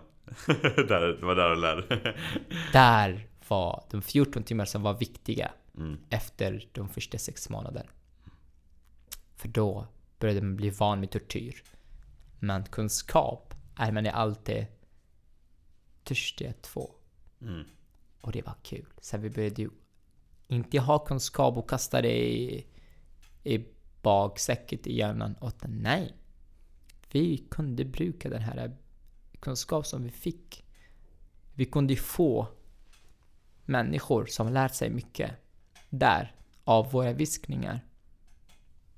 Att använda väggfärger och lite av potatisen och lite av andra saker, lite av bloden, lite av håret, lite av det här. För att göra medicin i fängelset som vi kunde bruka där. Medicin? Medicin. På riktigt?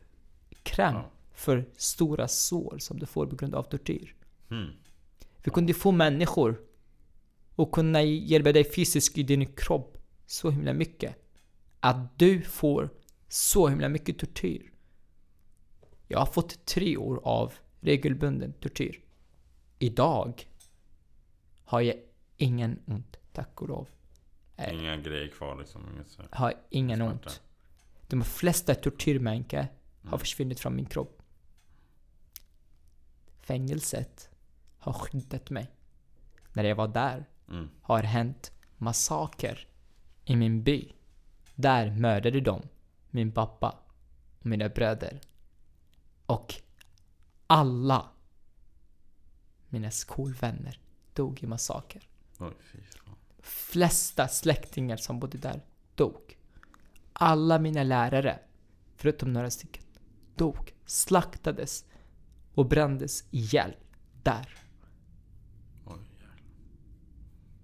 Men jag var i fängelset. Hade jag varit ut så dog jag med alla. Hade? Ja. Så fängelset har skyddat mig.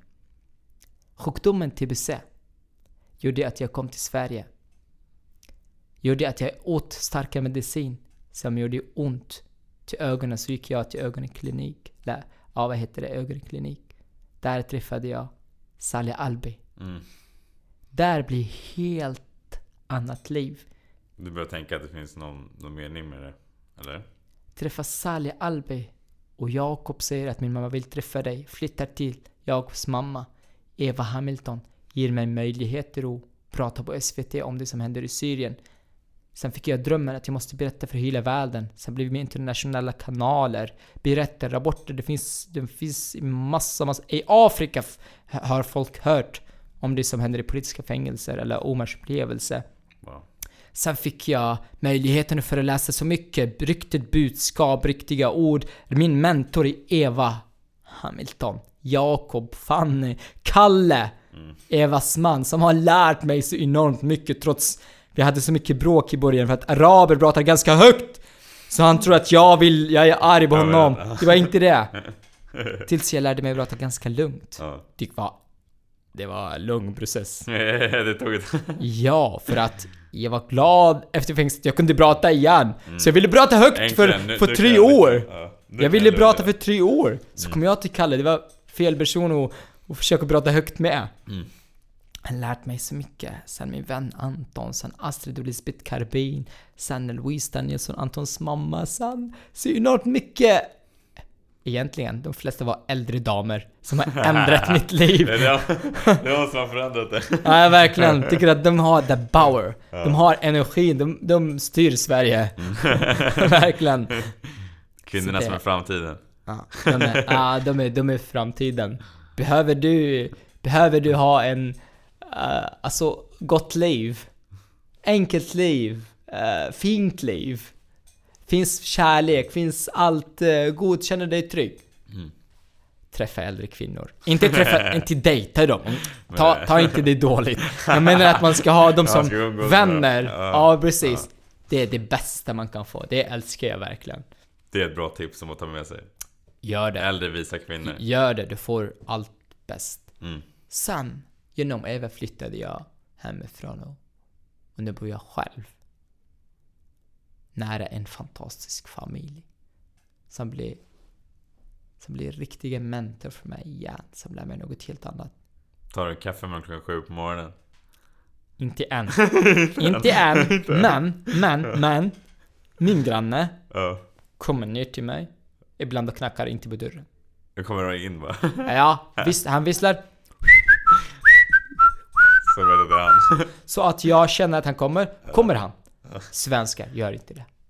De bokar tid. De bokar tid ja. Ja, de bokar tid och skickar sms och säger skriv det på dina kalender att jag kommer den här dagen. ja. Han gör inte det. Det gör mig så himla glad. Känner mig hemma. Ja. Det är väldigt bra. Sen han har en son som är väldigt, väldigt, väldigt trevlig som är lika gammal som mig. Mm.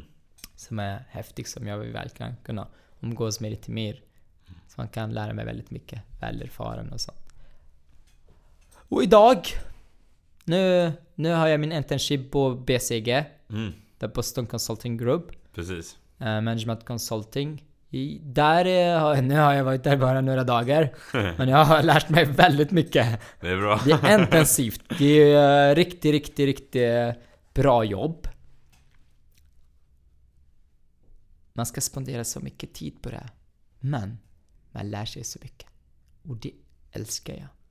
Utvecklas. Ja, Lära dig. ja. Det är... Mm. Alltså, Boston Consult Group, det är universitet. Det är nästa universitet. Nästa universitet, men, Men inte viskningar. det är inte viskning. det är direktiv. Ja, det är universitet, men det är inga viskningar. Ja. Men det är mycket hemligheter. Det är det, det, är det det är också. det. det är det. Ja, men det är fantastiskt. Jag är väldigt glad och, och ser emot min framtid. Jag kommer att ha helt fantastisk, strålande, fin framtid där det kommer vara bara blommor. Jag kommer plocka blommor. Så det är helt fantastiskt. Ja, jag har så många mer frågor, men vi, jag, jag, tror det här är den längsta intervjun hittills. Men, men till den sista frågan då. Varsågod. Ehm, vad är din definition om att vara sin bästa version? Hur är man när man är sin, sin bästa version? Det är väldigt tråkigt att säga att man måste vara sig själv. Ja. Det är väldigt klassiskt, alla säger det. Ja. Det är ganska banalt idag. Men... Vill du vara den bästa Mm. av dig, guden i dig, du måste tacka jag för allt. Alla de här små upplevelser som du tackar nej till kommer du ångra dig. Upplev allt. Det är ju, detta gör dig du. Verkligen upplev allt. Tackar jag för allt. Oavsett vad det är. Jag menar, inte dumma saker, inte rök hasch, inte... Jag menar, ni förstår vad jag menar. Mm. Bra Men upplevelse. tack, upplev allt. Är det komplicerat jobb som du inte förstår? Testa. Ingen kommer att torturera dig fyra timmar per dag och hänga upp dig till taket och du... Det kommer inte att hända för dig i alla fall. Testa allt. Det gjorde mig så himla glad i mitt liv. Allt tortyrmaterial har jag upplevt. Att resa utan pengar, nästan inga kläder har jag upplevt. Komma till ett jobb som där förstod jag, hade inga intresse heller och förstod ingenting. Det jag upplevt. Allt det här är lär dig. Allt det här är lär dig. Ibland säger du man ska inte kasta dig i djupt vatten om du kan inte simma. Nej. Kasta dig i djupt vatten. Du kommer lära dig att simma. Mm. Det kommer du. Människan strävar efter att överleva. Du kommer kunna lära dig simma genom 10 sekunder. Du kommer överleva. Testa allt. Det, det är bästa tips jag kan säga. Tacka ja! Ja såklart! Selvfølgelig på norsk, ikke sant? Ja, ja, hvorfor ikke? Ja, Ja, tackar jag alltså. ja jeg bare takker. Ja, det er veldig enkelt det som du gjør. På norska också. Ja, ikke sant? Jag vill för att vara med. Ge mig den. Det er veldig, Härligt. det er veldig koselig for meg. Jeg er veldig nøyd. Det, Ja. Jeg er veldig heldig at jeg får, får, være med. Tack så mycket för att du var med. Ja. Ha det bra. Tusen takk. Ja, samme. Ha det. Sakerna man får höra i den här intervjun är så sjuka så att man inte ens förstår det. Det finns inte mer verkligheten någonstans att det verkligen det är så för vissa människor i delar av världen. Vilket är... Det är så hemskt och det är så sjukt. Men som, som jag sa i början, att jag, jag är så imponerad av Omar som trots gått igenom de här tuffa sakerna är så optimistisk och positiv, så glad och eh, det är jäkligt inspirerande. Och tyckte du om den här intervjun? Tror du att den skulle kunna inspirera någon annan? För det finns alltid folk som har det värre än oss. Det finns alltid de som har gått igenom tuffare saker. Eh, man blir rätt... Eh, man blir rätt tacksam när man eh, tänker, när man hör den här historien, vad han har gått igenom Omar. Eh, då har, då har vi inte så mycket att gnälla över, då har vi... Alla har sina egna stunder som har varit jobbiga, det, det är jag säker på, men någonstans så... Det finns alltid någon som har det värre. Och det finns så mycket att vara tacksam för om vi bara uppskattar det vi egentligen har. Vi har det väldigt bra. Vi har det så väldigt bra. Och känner du någon som, som skulle bli inspirerad av det här, någon som skulle behöva höra det här, så dela jättegärna med det till den vännen. Ha det bäst, alla.